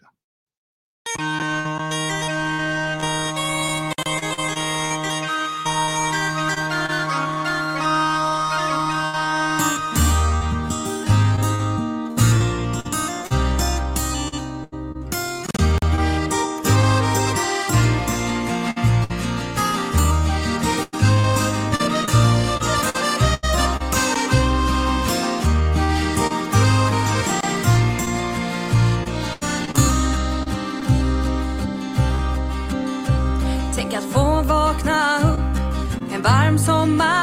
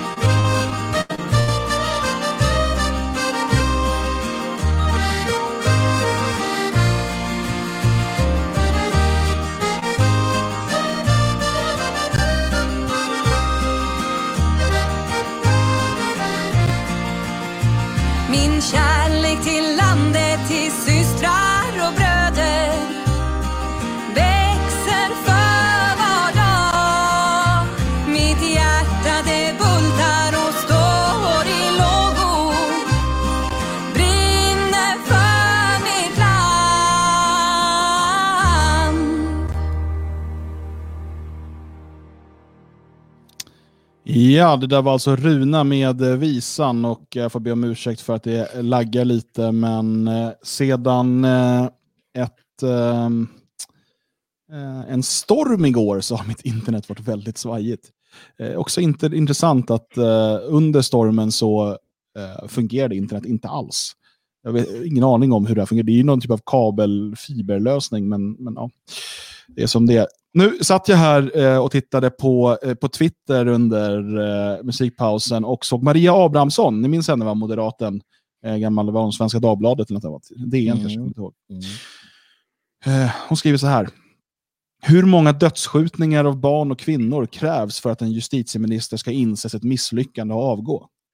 Förstår ni? Så här, det är bara ett jäkla politiskt spel för de här människorna. Mm, mm. Det är alltså, Ja. det är alltså en, en flicka som dör till följd av att Sverige under 30-40 år har liksom byggt upp den här gangsterproblematiken, klankulturerna och så vidare till följd av mass massinvandringen. Och då är det så här, då måste justitieministern avgå. Vi måste ha nyval. Och det, måste, det, här, det, här, det här. Som, att det är liksom, som att det är Morgan Johansson, som att han på något sätt liksom är, är mer ansvarig än vad Maria Abrahamsson är. Jag tycker de är lika ansvariga båda Mm. två. Varför avgår inte hon från sitt, eh, från sitt, sitt, eh, sitt Twitter? Ehm, Men, men det, Eh, det, alltså, det, nu måste han avgå. Alltså, det går ju inte. Men Skulle vad skulle han ha gjort då? Alltså, vad, Ja, vad- skulle han varit- vad alltså- skulle han ha... Var Det var det kravet, men till exempel då när, när Breivik eh, var på Utöja och, och, sköt norska unga socialdemokrater, eh, var det då krav på att Norges justitieminister skulle avgå? Alltså, jag förstår liksom inte, jag förstår inte logiken. Nu måste Morgan Johansson avgå som justitieminister. Ja, för kommer en annan jävla sosse som justitieminister så kommer det bli mycket bättre. Då kommer det inte skjutas någonting längre. Är det det som behövs? Hade vi bara haft, eh, vad heter han, eh, Mikael vad heter Damgård, eller vad Damberg, Damberg, vad, vad han nu heter. Någon av de här, kanske Ardalan Shekarabi. Ja, men då, då skjuts det inte längre. Är hon så dum eller är hon bara en del av ett meningslöst politiskt spel som kostar massa liv? Alltså det, förstå, de här människorna är ju idioter allihopa. De är, de är liksom meningslösa karriärister. Puh. Problemet är ju det att, att, att hela systemet bygger ju på att det värsta som kan hända en politiker är att han behöver gå avgå eller hamna på KU. Det, det, det, kan, det, inte, det kan inte bli värre än så. Det där är den största skamfläcken. Och det är inbyggt i systemet. Så att hon kan ju inte ropa efter annat. Det är KU eller avgå eller nyval. Och det är vad som i demokratin, den liberala demokratin, det är liksom, det är kärnvapen. Det är det som finns. Och, och, och i hennes begreppsvärld finns det väl inget annat heller. Eftersom hon är en liberal demokrat och det är precis så det ska vara. Det är ändå det bästa man kan ha. va. Så att jag tror inte att den här människan förstår att det, att det ens går att finna andra alternativ. Precis som att det finns inom vår opposition finns det ju människor som vägrar acceptera någonting annat än att rösta på SD eller AFS. Att det är den enda vägen till att få en förändring. Så, så jag tror inte hon, hon, hon begriper inte mer helt enkelt. Uh, sen, sen är det ju som du säger ett, ett, sjukt spel. Det är äckligt. Det är äckligt att, att höra dem och se dem. Uh, för att precis som i så många andra fall så, så hjälper det ju inte. Alltså de kan ju, Morgan Johansson kan säga det ena och det andra hur många gånger som helst. Det spelar ingen roll. Va? Det, det, det, man mår illa utav det. Men det är den liberala demokratin. Mm. Om ni behöver lite aggressiv musik och, och liksom känna att ni får, får ur lite de här aggressionerna som jag bygger upp, eh, så kan jag rekommendera den här nya skivan, eh, från 776. Tysk musik, vi spelade en låt från den här för några veckor sedan. Eh, dubbelskiva, jäkligt eh, snygg sån här digipack. Eh, köp skivor, stöd det. Och den här skivan har gått varm, Eh, det är därför jag är så arg tror jag. Eh, men det funkar. Den, den går varm här hemma. Eh, riktigt jäkla bra. Eh, är en blandning utav Uh, ah, spelar roll. Det finns på Midgård. Beställ det där och var glada, eh, arga och allt sånt där. Nu ska vi prata om något annat Magnus. Det ska vi göra. Vi ska prata om corona. För att eh, ja, corona vet vi alla, det är ju inte så himla kul. Eh, Eller är det det? Eller vad är det? Vem är corona? Finns corona eller inte? Och varför får man corona om man är mot corona men inte om man är för svarta liv? Många frågor, få svar och ni kommer inte bli klokare efter att vi har lagt ut korten. Ja, eh, det var ju stora demonstrationer i Tyskland i helgen, bland annat i Berlin. Det var allra största demonstrationen i Berlin. Polisen uppskattade det till 17 000 deltagare. Arrangörerna sa 1,3 miljoner. Jag tror ingen av dem har rätt. Eh, ja, från bilder så skulle jag nog kunna tippa på att det var mellan 30 och 100 000. Det är ju väldigt, väldigt svårt när man ser de här stora folkhaven att avgöra. Fast, fast, fast på stadsfesten i Zürich så var det jättemånga. För några år Ja, sedan. vi kan väl börja där då. Eh, det är flera personer som har delat den här bilden och, och menar då att kolla media ljuger, de säger att det bara var 15 000, kolla bilden och avgör själv. Och så delar de en bild ifrån Street Parade i Zürich för två år sedan. Eh, och jag, jag blir så trött på det här, för att det går så lätt, det är återigen det här, du tog inte ditt ansvar. Vi pratar om det här människor, människor som inte liksom tog reda på vad, vad eh, partierna verkligen ville och vad de gjorde i riksdagen innan de gick och rösta. Precis samma sak är det här. Du tar inte ditt ansvar innan du trycker på publicera, att kolla upp, är den här bilden ens från Berlin? Okej, jag har bott i Berlin, jag ser direkt att det inte är Berlin. Det kräver jag inte att alla kan göra. Däremot finns det jättelätt verktyg på till exempel Google som är eh, en omvänd bildsök. Du, om du inte hittar det, sök på eh, reverse, im, reverse image search till exempel. Och, och du hittar eh, hur du ska göra. Då lägger du upp bilden så säger den att ah, den här bilden är publicerad här och här och här. Då hade du sett direkt, det här är från Street Parade i Zürich. Sen hade du bara kunnat vara någorlunda källkritisk och titta på den här bilden och sett att det i det här folkhavet är fullt med lastbilar med stora högtalare, så som de har på de här technofesterna. Snälla man har det på den här typen av demonstrationer. Eh, och ja, kolla vart Berlin ligger geografiskt och fråga dig om det finns den typen av hamnar där och sådär. Eh, Det, det, det, det är så dumt. Och jag blir så trött på det för att vi som vill diskutera de här frågorna seriöst, eh, vare sig det liksom är eh, coronapolitiken eller massinvandring och så vidare, eh, vi förlorar på att människor inte har grundläggande källkritik utan bara sprider vidare. Och ännu värre blir det när man då i det här inlägget ska prata på om hur media ljuger, medan man själv sprider en falsk bild. Även om man inte gör det medvetet. Det är exakt samma sak här. Nej, du gör det inte medvetet, men du tog inte ditt ansvar. Och, och liksom kolla upp vad det är för något du sprider. Alltså, det, det är lite så här... Uh, jag vet inte vem det är, om det är Stålmannen eller Bamse eller vem fan det nu är som säger att med, med, starka, med de här krafterna kommer det också ett ansvar och så vidare. Uh, with great powers come great responsibility. Det är nog inte Bamse. Bamse säger om man är stark måste man vara snäll. Eh, och det, det, är liksom, det är samma sak här. Du har fått möjlighet via sociala medier att publicera dig för, inför hela världen egentligen. Då har du också ett ansvar att ta reda på vad det är du lägger ut för någonting. Och det här är inte första gången, vi ser sådana här exempel hela tiden. När folk delar, ja men du vet, bara, det- bara det liksom är en bild med ett citat, så bara, men det här är sant. Det är, det är nog sant att Karl Marx har sagt att eh, eh, judarna ska våldta arierna i röven. Och så här, ja, okay, jo, men det, är- det är en bild på honom och det står hans namn under. Då delar jag det. Ja, men, men har, alltså källkritik. ah, eh, det här var inte huvuddelen i det här coronaämnet, men jag, jag blir så trött på det här. Jag vet inte om det finns något att diskutera kring det, men det är bara en uppsträckning. Det behövdes bli sagt, kände jag. Men eh, det jag tänker på, om vi bara går vidare här, det var en stor demonstration i, i eh, Berlin. Vart demonstrationer lite överallt. Um, och vi vet ju sedan tidigare den här eh, fantastiska, det här fantastiska i att, och det här har ju till och med uh, sjukhuspersonal i bland annat Storbritannien tror jag sagt, eller om det var i USA, att, att om du demonstrerar för BLM uh, så är det lugnt, och det är bra. Men demonstrerar du mot covid-restriktioner då blir du sjuk eller riskerar att sprida den här sjukan. Och det här är ett narrativ som faktiskt har pumpats ut på riktigt alltså. Det är helt okej okay att demonstrera för BLM. Det är absolut inte okej okay, utan snarare farligt att gå på Trump-möten eller demonstrera mot covid-restriktionerna.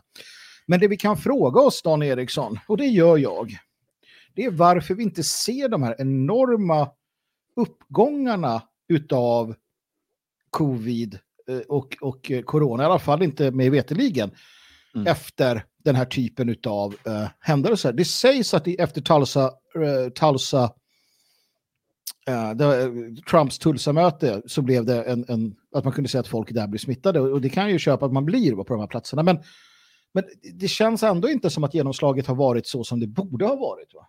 Nej.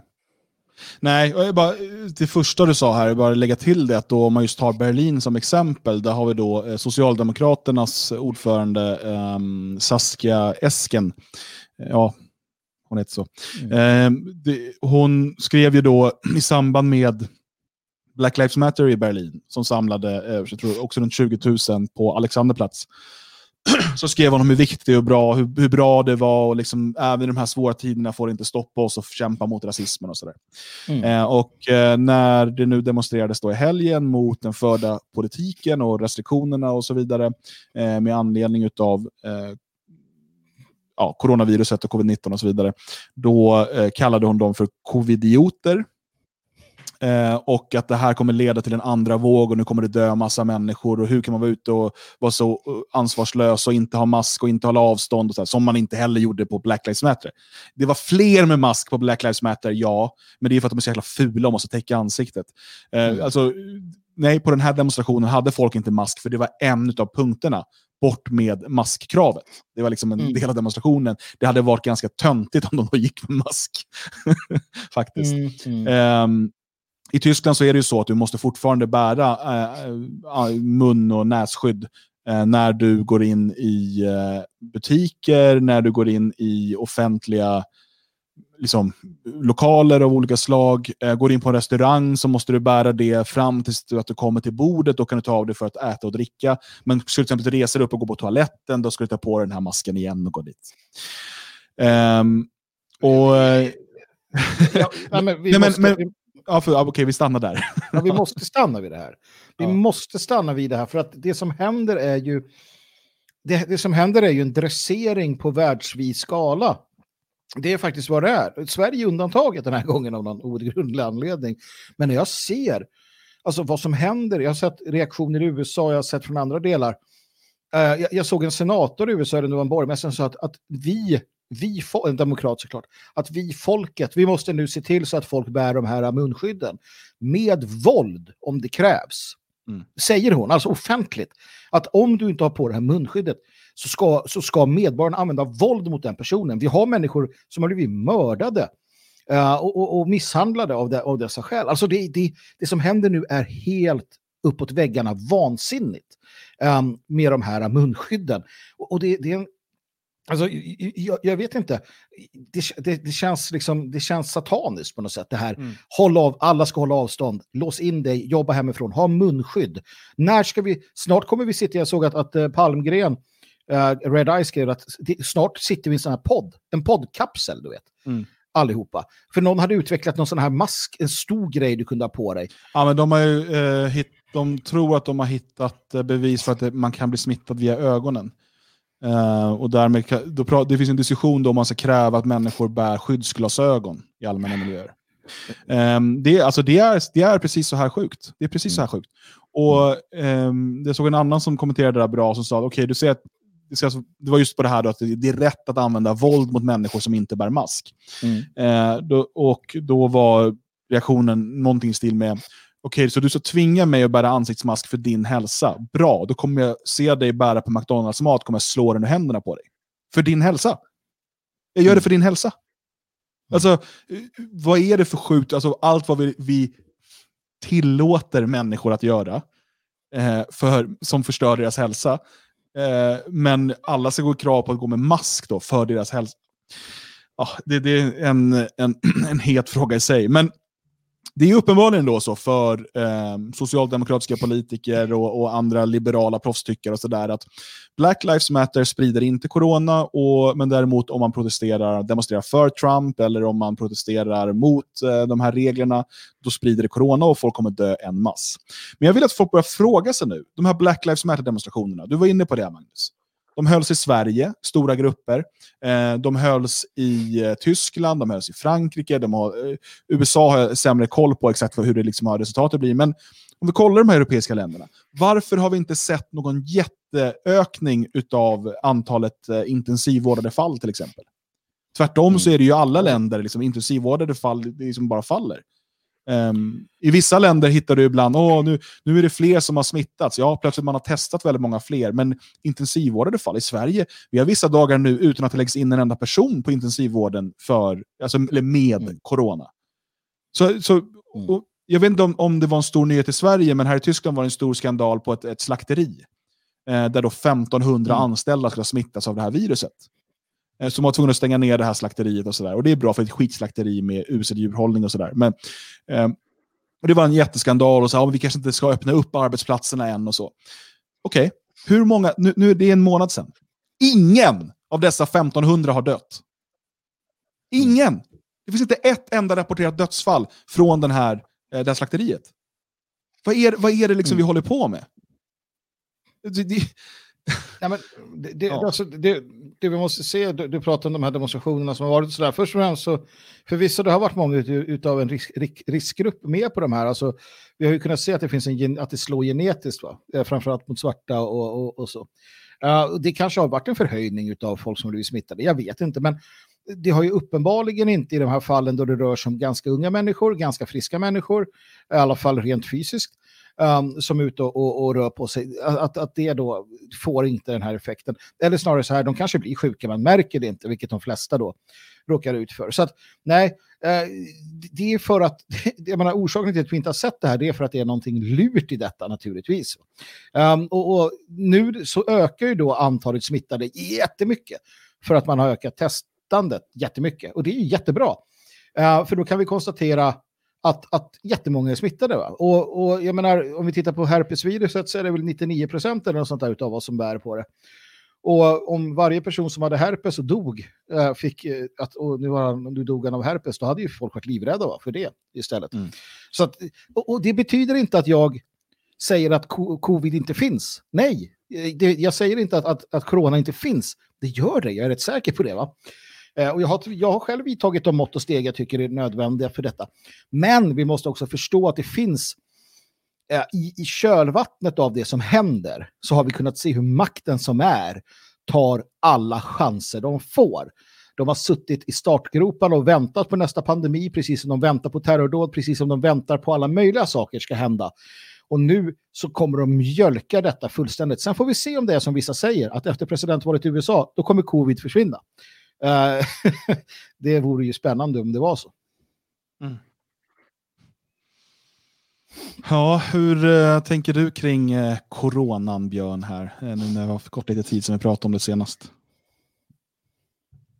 Ja, jag, jag, tror jag laggar ganska mycket. Uh, ligger jag långt efter er? Nej, nej, någon sekund bara, det är lugnt. Ja, det är bra. Uh, jo, nej, men det, det, jag tycker väl vad jag alltid har tyckt. Förutom att jag tycker väl lite mindre nu kanske än tidigare. Jag är så trött på det här. Uh, jag tror att det är mycket väl som Magnus sa, att uh, om en tre månader ungefär så, så eh, är inte det här intressant längre. Utan jag är nog väldigt mycket inne på att uh, det här är ett sätt att um, stoppa Trump från att bli omvald. Det här är det sätt som um, demokratisk, alltså liberal media använder för, för att uh, påverka det amerikanska valet. Och när det är slut så behövs det inte längre. Uh, nej, jag tycker det, det, är väl ganska mycket som är märkligt. Jag har ju tänkt att jag ska aldrig springa runt med ansiktsmask och sådana saker. Nu har jag gjort det. Återigen i mitt yrke.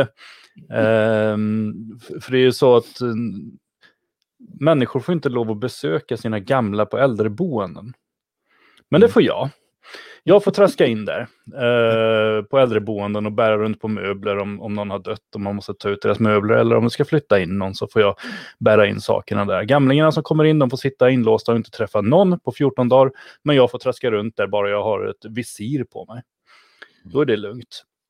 Personalen som går in och ut, de har inga visir på sig på, på flera av de platser jag har varit på. Alltså det är så mycket som är så konstigt kring det här. Alltså jag tycker att man ska skydda de gamla, men det blir jävligt absurt när de, de sista månaderna i livet inte får lov att träffa sina barn och barnbarn och andra anhöriga och vänner. Men däremot en massa eh, personal som inte ens kan prata samma språk som dem och som springer runt där helt bekymmersfritt och kan sprida precis vad som helst, hur mycket som helst. Och, och, och sådana som jag som inte har någon som helst eh, kontakt med de här människorna liksom kan, kan springa ut och in där hur mycket som helst det är mycket som är konstigt och det är mycket som är värt att ifrågasätta kring allt, hela hanterandet av det här. Alltså jag, jag, tycker det är så dumt. Fan, låt de gamla få lov att träffa sina anhöriga de sista stunden i livet. Mm. Um, sen kan jag tycka i övrigt att det har varit att man skulle ha skyddat de gamla bättre, men på andra sätt. Till exempel inte ha en sån rullians på personal, eh, inte låta folk springa ut och in för att man eh, ska bära möbler eller vad, vad som helst, utan eh, men, men, just att få lov att på något sätt träffa sina anhöriga. Fan, det, det är ju grundläggande mänsklig rättighet borde det vara. Mm. Det är lite intressant där. Jag, jag, vill inte, jag vill inte hoppa i den tunnan, va? men det skrivs här bland annat i Sverige har vi palliativt avrättat de äldre för att tjäna in pengar på uteblivna pensioner. Uh, och jag tror inte att man medvetet har drivit en politik som går ut på att döda svenska äldre. Det tror jag inte. Däremot så tror jag att man inte gråter sig till sömns över det faktum att, en väldigt, att väldigt många svenska äldre har eh, gått härdan. För att det är, natur, det är den politiska naturen, det är socialdemokratins natur och det är liksom hela den här, eh, egentligen hela det här politikerväldets natur. Att det är rätt bra ändå. Det är ändå rätt bra att det här har hänt, även om det är jättetråkigt. Eh, och vi ska lyckas bättre nästa gång. Men eh, vi räddade ganska mycket ändå med de här döda. Men jag menar, det är inte så många, som, så många gamla som har dött att det att det tippar över skalan på det sättet när det gäller pensionspengar och liknande. Det är inte så att man har frigjort sådär vansinnigt mycket pengar jämfört med, uh, med hur många gamlingar som finns. Det är ett par tusen. Va? Så att uh, vi behöver ju komma upp i mycket högre siffror för att det skulle ge en effekt på det sättet i, i statsfinanserna. Men visst, jag tror inte att man gråter särskilt mycket. Så jävla kalla och hjärtlösa tror jag att de är. Jag tror att vi missar en fundamental sak här. För att jag har ju också sett det här. Eh, och, det finns folk på Twitter så här, om de mördar de gamla med flit och sådär. Eh, varför reagerar människor så här och säger sådana saker? Varför just nu? Över, alltså den värsta månaden i april hade vi en eh, ovanligt hög överdödlighet. Men inte den högsta vi har haft. Om man räknar april, ja då får du gå tillbaka till 93. Då var det en hård influensasäsong och då hade vi en högre överdödlighet. Men under 2000-talet har det varit minst fem månader, inte april, men andra månader, med en högre överdödlighet än vad vi hade i april 2020. Mm. Inte eh, har jag någonsin tidigare ens hört den här typen av diskussion. Att de mördar de, de äldre, liksom, och nu det här viruset, och de låter det, det liksom löpa fritt och döda mm. för att de ska spara in pensioner. Jag har aldrig hört den diskussionen tidigare. Varför inte? Nej, för att de gångerna har media inte suttit suttit med sin skrämselpropaganda, med sina dödstickers som räknar upp. Och kolla nu hur många som har dött av det här viruset. Då har man inte bedrivit den här ofantligt stora propagandan för att göra oss livrädda. För att göra oss livrädda att träffa andra människor. Från att organisera oss, från att demonstrera, från att ta del av kultur, från att se varandras ansiktsuttryck. Vilket faktiskt är en sak när alla går runt med ansiktsmask, och jag bor just nu i ett land där jag ofta ser folk i ansiktsmask eftersom att det är krav på det på många ställen. Det tar bort den mänskliga kontakten. Det mm. förstör mm. någonting mellan oss människor. Och eh, det är det man, man har skrämt upp människor något så oerhört. Och det är därför man ser den diskussionen. De människor som mm. säger sådana saker, varför sa de ingenting, ing, äh, ingenting sånt i mars 2012? När det var högre mm. överdödlighet än vad det var i april 2020. Nej, det var varför, jag, vet inte, jag, är osäker på det, men förlåt, jag, säga att jag är osäker på om det var den månaden. Jag tror det är huvudet nu. Det kan ha varit 2011. Så Men alltså, fem månader under 2000-talet har haft högre överdödlighet än april 2020. Nej, Och, en, och samma ändå är det så och det är nu, det är nu det är. Nej, nej. Sa, samma personer har ofta också, jag säger inte alla, men, men många eh, är ju också då vad vi kallar för liksom någon form av liberaler. I det att man jättegärna vill ha aktiv dödshjälp. Alla har rätt att välja när de ska dö. Aktiv dödshjälp borde vi genomdriva. Det är klart att, att jag som gamling bara ska kunna bli en läkare och skjuta in giftet så att jag försvinner. Titta vad bra det är i Belgien där man kan göra det. Ja, där kan till och med barn göra det numera om de mår lite dåligt. Du har haft tonåringar som har en, en djup depression som kan ta, som kan ta assisterat självmord. Jättebra och så vidare. Då, då finns inte den här, det här extrema människovärdet. För vi vet alla vad som kommer hända den dagen man genomför detta. Vi vet hur, hur gamlingar kommer känna sig tvungna att eh, liksom, ja, avsluta sina liv, fast de kanske inte vill och så vidare. Vi vet hur gamlingar är. Men då, det, det spelar ingen heller roll. Eller vi, aborten är en annan sån där sak. Det är människovärdet spelar inte heller någon roll. Så att det finns ett enormt, ett enormt hyckleri i detta, utan tvekan. Och jag säger återigen inte att, att det gäller just dig, men det är väldigt många. Och just den, att höra det, alltså att, att titta på hur debatten har sett ut, det tycker jag är väldigt viktigt i sammanhanget. Absolut. Ja, men, sen är det också det här eh, idén om att, att det är fel att ge äldre som är dödligt sjuka palliativ vård Mm. istället för att sätta dem i respirator. Jag vet, tror att mm, de flesta förstår nog inte att, att sätta någon i respirator är en, det är en väldigt, väldigt smärtsam och farlig behandling. Och har du eh, liksom redan eh, är du redan gammal och har en illa tilltygad kropp och lungor och så vidare, eh, så eh, kommer det döda dig. Det, det, det är en dödsdom. Det, är liksom, det finns en del som är typ över 70-75 som klarar det. Men det är väldigt, väldigt ovanligt. Därför är det, alltså, och jag, det kanske låter konstigt för människor som tror att man ska hålla, klamra sig fast vid livet framför allt annat. Eh, det kanske låter konstigt, men att ge smärtlindring kan vara en betydligt mer human behandling än att lägga någon i konstgjord andning i respirator. Det, det, det, det är så. Och, eh, jag, jag, jag, tyvärr, jag måste bara konstatera det. Ja, men du, du har ju ändå, det är ju, och vi är väl kanske medskyldiga till detta, men det är ju en amatörernas afton, Grande, som pågår och har pågått sedan hela den här coronan satte igång. va. Där, där man, eh, där egentligen det har varit fritt, fritt blås för vad som helst. Jag, jag, har varit, jag har som sagt varit en del av det där också. Men för mig till exempel när jag läste om den här, det var ju en sjuksköterska eller vad hon var för någonting, va, som, Eh, som, som skrev ganska uttryckligen vad handlar det här med att hamna i, i respirator? Va, va, vad gör man? Jag hade ingen aning. När jag läste det, när hon var klar med sin berättelse, då kände jag att du, det ska fan mycket till för att jag vill hamna i det där och inte bara lämna mina, eh, gå till mina fäders jaktmarker alltså. I alla fall om jag är i den åldern också. Herregud, vad invasivt det där var. Det var ingen rolig historia va. Sen pratade man med andra som sa, ja men det är klart att vi ska, alla ska ha, alla ska respirator. Och så förklarade man det, så bara, nej men det är inte respirator, respirator hjälper bara att hålla liv, att man andas. Ja, precis. Men och så vidare va. Så att, återigen, vi, vi sitter på väldigt höga hästar här. Utan jag tycker väl ändå att sådana som vi framför allt, och alla andra också, vi bör ta, ta ett kliv bort från just de där sakerna kanske och titta på den här större bilden. Jag tycker att det du säger Dan, med vad händer när alla har de här ansiktsmaskerna? Vad händer med oss? Eller just varför det här att vi får inte organisera oss Eh, motståndsrörelsen skulle inte kunna ha sin, sin Tommy Linde-manifestation, men däremot så kan BLM ha sitt. Det fria Sverige ska inte kunna ha 250 personer i sitt hus, men däremot så ska, ska liksom något annat eh, kunna göra sitt.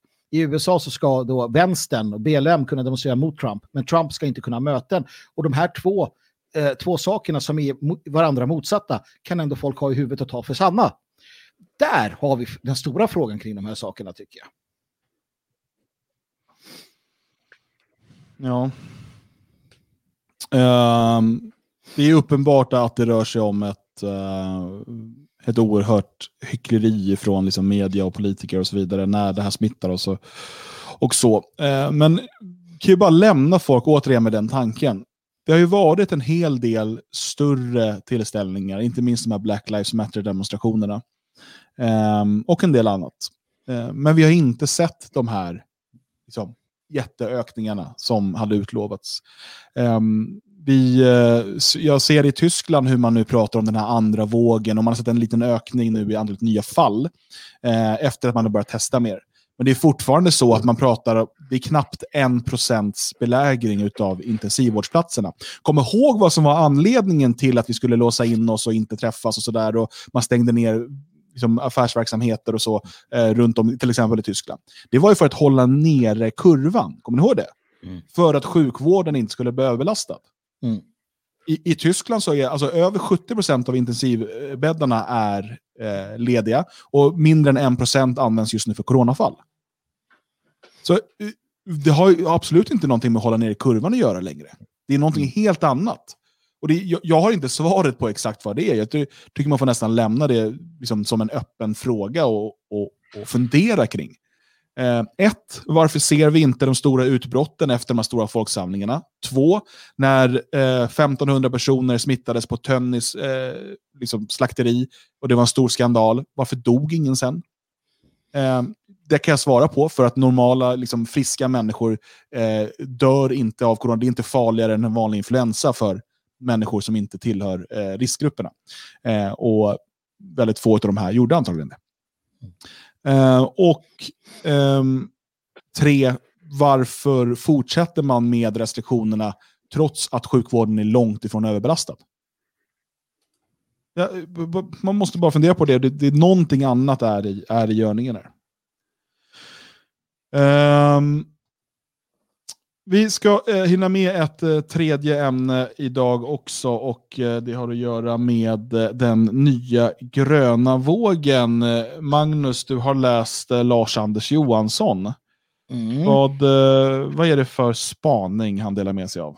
Ja, men det, det är just i coronaspåret. Han, han frågar sig om det inte är så att vi är inne i ett skifte nu igen då, där vi kommer få se, alltså i och med detta, att, att man ändå kanske har sett hur skört det är i, i storstaden. Uh, både relationer och, och jag menar, dina, egna nätverk eller andra saker. Um, att företagen börjar göra mer, alltså göra det mer, eh, göra det enklare helt enkelt att jobba på distans. Uh, Tegnell var ju inne på, Hell Tegnell, han var ju inne på att vi kommer få fortsätta jobba hemifrån, vi som kan som man säger, fram alltså resten av året. Um, och, och att uh, man kan se hur, hur eh, fritidshus, folk vill köpa fritidshus, folk åker på båtsemester mer, folk hyr stugor, kommer bort från städerna, från trängseln till Tylösand och trängseln. Eh, det är lite som haltar här kan man väl tycka kanske ibland för att de som har flytt från städerna flyr gärna till, till träng, trång, trånga platser också. Men generellt sett båtlivet och så vidare och så vidare. Sånt som är implicit vitt också kan sägas och sånt som ändå avskys. Man ska, få, man, man ska behöva ha eh, körkort till vattenskoter och så vidare och så vidare. Um, och det är det han resonerar kring, huruvida vi, vi nu ser ett skifte där vi återigen, eh, för det är inte första gången i sådana fall, där, där många kommer ifrågasätta den här urbana miljön, städerna generellt. Och han, han driver det ganska långt ändå, menar liksom att nu kanske vi får se en, en att, att det är ett, ett, ett stort skifte som sker, um, där man väljer eh, småstadslivet eller eh, landet då, eh, om vi ska kalla det för det, framför storstaden intressant fundering eh, som han kommer med. Eh, ytterst välskriven ska tilläggas, ni bör läsa den själv för att jag ger, en, jag ger bara en liten kort, kort sammanfattning. Mm.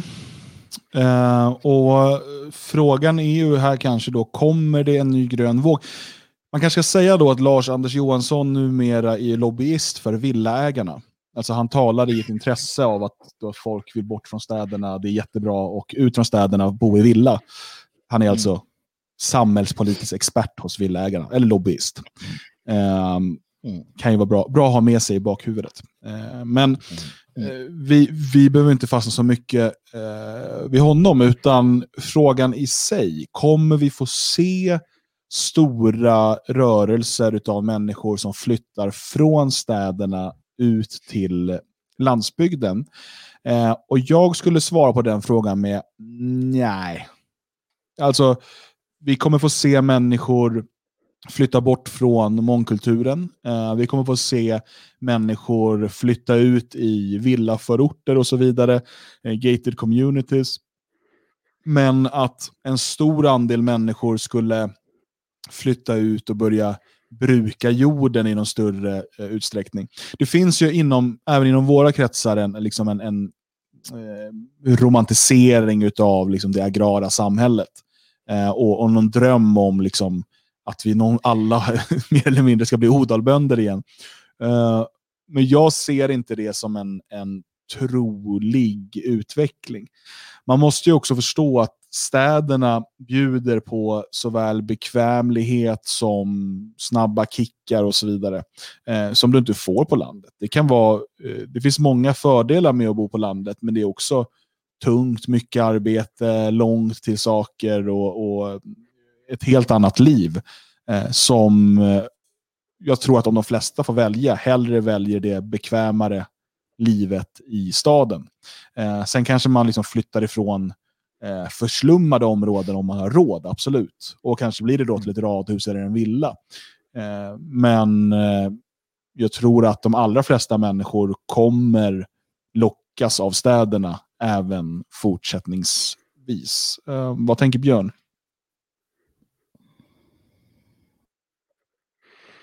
Mm. Um, om vi börjar med att utgå från den här artikeln så jag tror att han lever väldigt mycket i sin egen bubbla. Han, eh, som företrädare för villaägarna så kommer han säkert i kontakt med en hel del nya villaägare och eh, människor som är så glada för att de får vara hemma ett tag som redan har villa så de kan pyssla lite med huset och så. Men annars så, jag upplever inte alls det som han beskriver. Eh, en del kan man nog motsäga rakt av. Han säger till exempel att privatbilismen har ökat.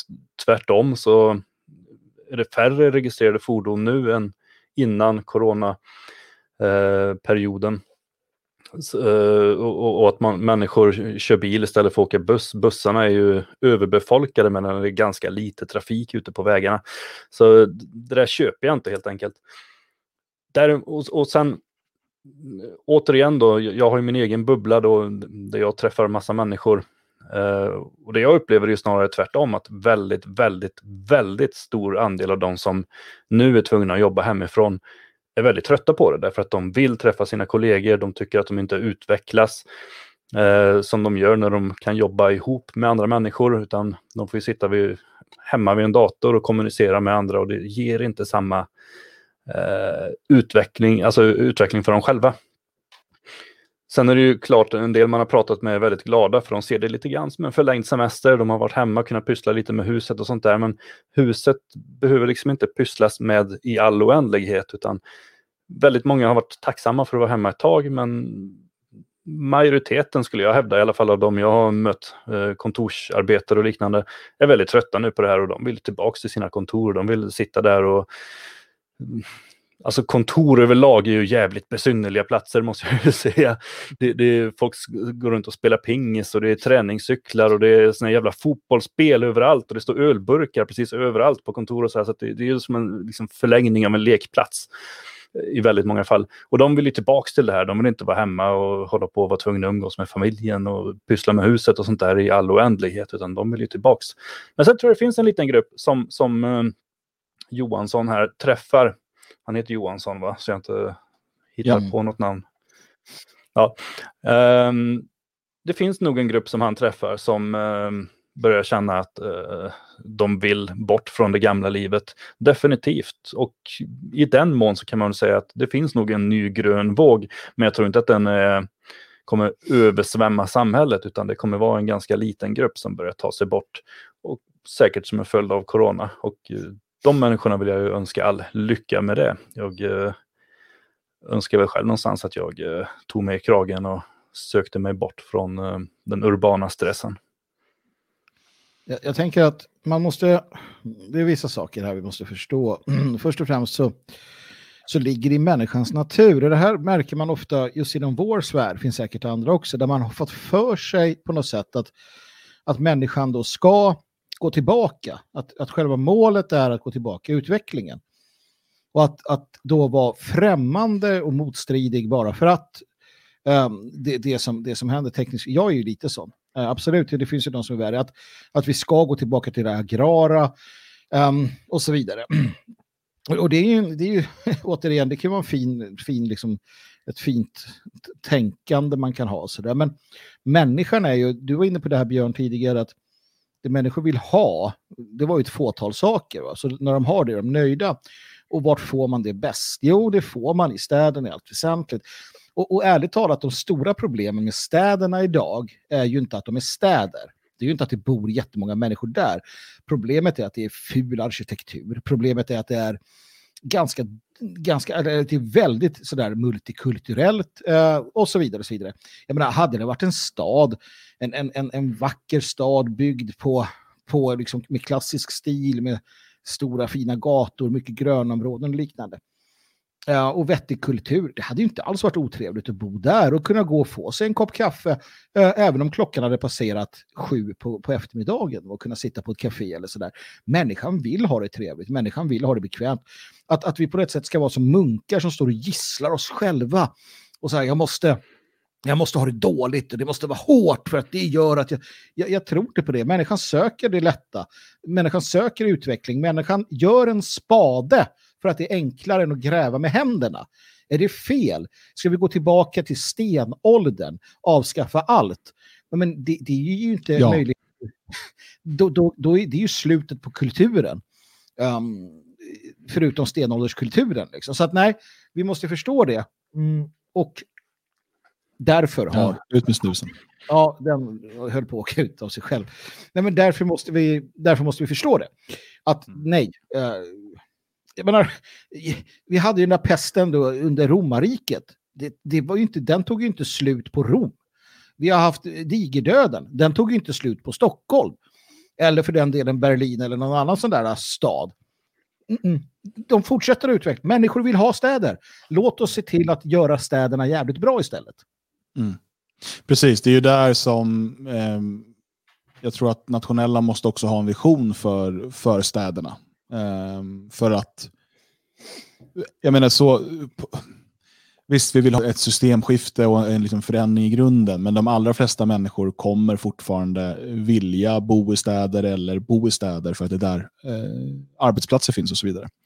Så att vi måste ju göra städerna så, så attraktiva som möjligt. Och det är ju klart, arkitektur är en viktig sak, eh, kulturutbud och, eh, och allt sånt här. Ehm, och, och där måste ju nationalister också ha en, en vision. Visionen, hela, jag vet inte om liksom, vi kanske är lite väl mycket i en bubbla, men i den bubblan i alla fall så finns det ju just den här idén om att alla ska liksom bli bönder, typ.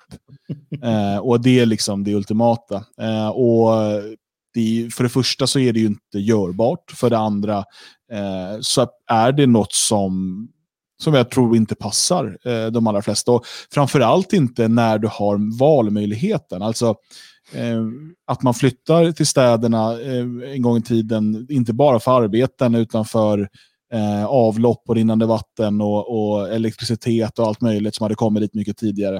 Eh, det är bekvämligheter, men som vi alla eh, som vill ha. Eh, I dagsläget, alltså som det är nu, så kan du ju få väldigt många bekvämligheter också på landsbygden, men ska du också bli eh, bonde dessutom, så det är ett skitgöra helt enkelt. Jo, men, Eh, och det är ett hårt jobb och, och, och att leva på landet kräver mycket mer av dig på det sättet än vad det kräver eh, om du bor i staden. jo, men om vi skippar... Jo, men det är ju så här. eh, Ja, Nej, kör. nu, nu tar jag ordet här. Ehm, att, att absolut, människor vill ha det så bekvämt som möjligt. Det, det är ju ett av målen som man eftersträvar.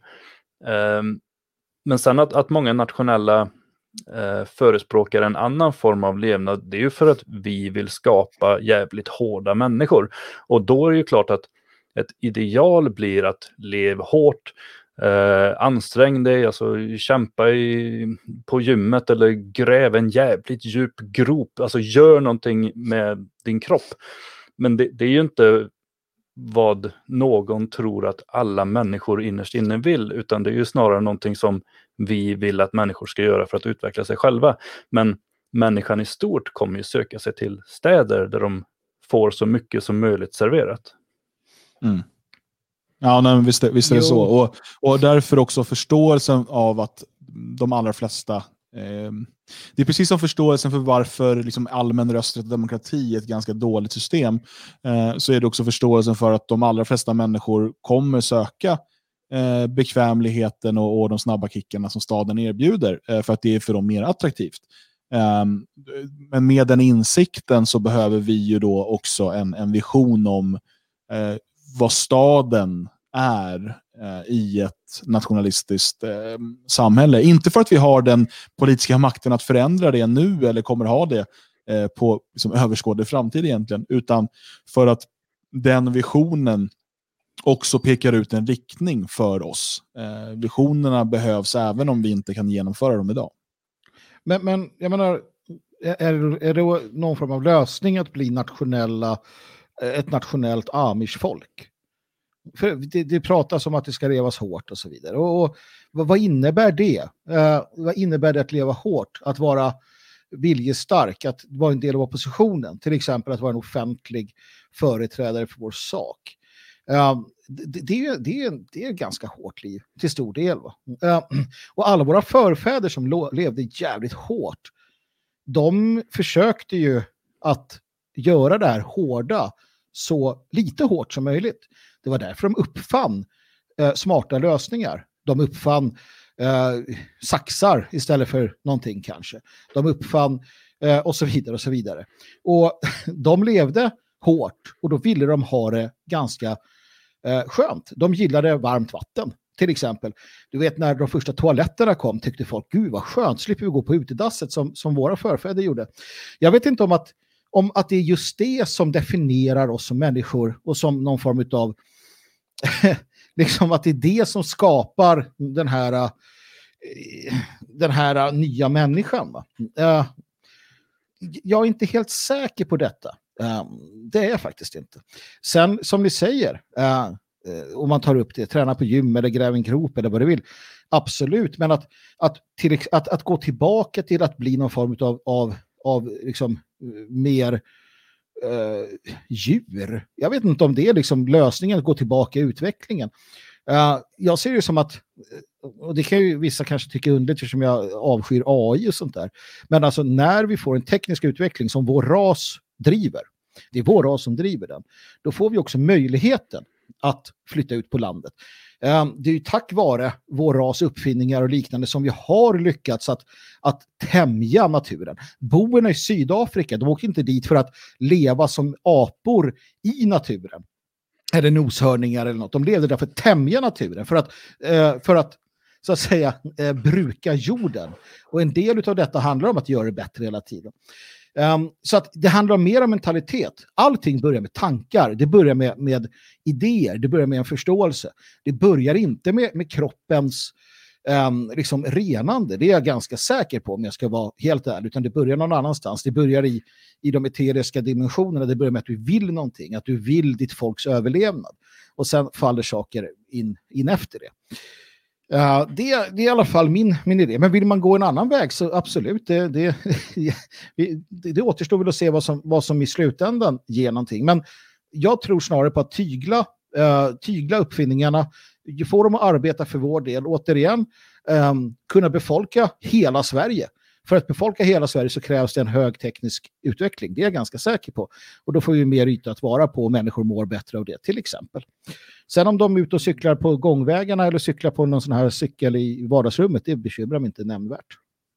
Men eh, här har vi ju också, eh, precis som att vi, liksom, varför eh, har det fria Sverige den strategi det har? Alltså då, då pratar vi om att vi, vi, har fått, vi har fått de kort vi har fått att spela med Eh, och det måste vi förhålla oss till. Eh, inte för att det är de korten vi önskade, utan det är de vi har fått på handen. Och det är lite samma sak här. Eh, liksom utveck alltså, vi måste ju hitta sätt eh, att ha en vision för den teknologiska och industriella verklighet som, som vi faktiskt existerar i. Eh, alltså, såklart, alternativet, och det finns ju den typen av idéer också, det är ju att, att liksom avskaffa eh, hela industrisamhället och, och eh, liksom återgå, i stort sett ta bort eh, delningsekonomin och alla producerar sitt eget och blir självförsörjande och sådär. Eller väldigt, väldigt småskaligt. Eh, det är väl en intressant filosofisk tanke. Samtidigt så tycker jag att den, den går i direkt clinch med den, den faustiska anden som, som ändå på något sätt eh, är så liksom symbolisk för, för vårt folk och vår ras. Mm. Eh, det här ständiga eh, strävan efter förbättring och se vad som finns bortom nästa hörn, bortom eh, nästa stjärna och så vidare. Och, och Jag ser inte det som en, en, en lösning som riktigt rimmar med vår, med vår folksjäl, utan eh, vi måste hitta sätt att, eh, att leva med den här utvecklingen på ett så harmoniskt och, och bra sätt som möjligt. Ja, precis. Um, och, och, det som är alltså här också breda lösningar. Och återigen, den vita civilisationen har strävat åt ett håll. Eh, och det är det som finns i oss. Det, det, är de vi är. Och vi kommer fortsätta vara det. det. Det kan finnas de som är bakåtsträvare i det hela och de som lever lite annorlunda. Absolut, men vi, vi måste ta det civilisatoriska eh, anslaget. Och skulle en, en eh, eh, skulle en eh, katastrof av något slag skicka oss tillbaka till den agrara tiden så skulle det eh, inte ta lång tid förrän vi eh, börjar sträva tillbaka mot där vi är idag. Det är så vi håller på. Va?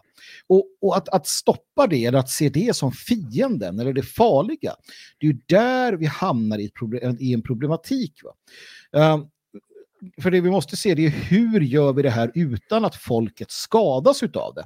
Och det finns ju eh, filosofer och politiker, statsmän på vår sida som har så att säga resonerat kring det här eh, tidigare i historien, hur man kan driva en civilisation framåt, hur man kan vara väldigt industriell, men samtidigt behålla de här viktiga delarna som gör att du inte tappar fotfästet.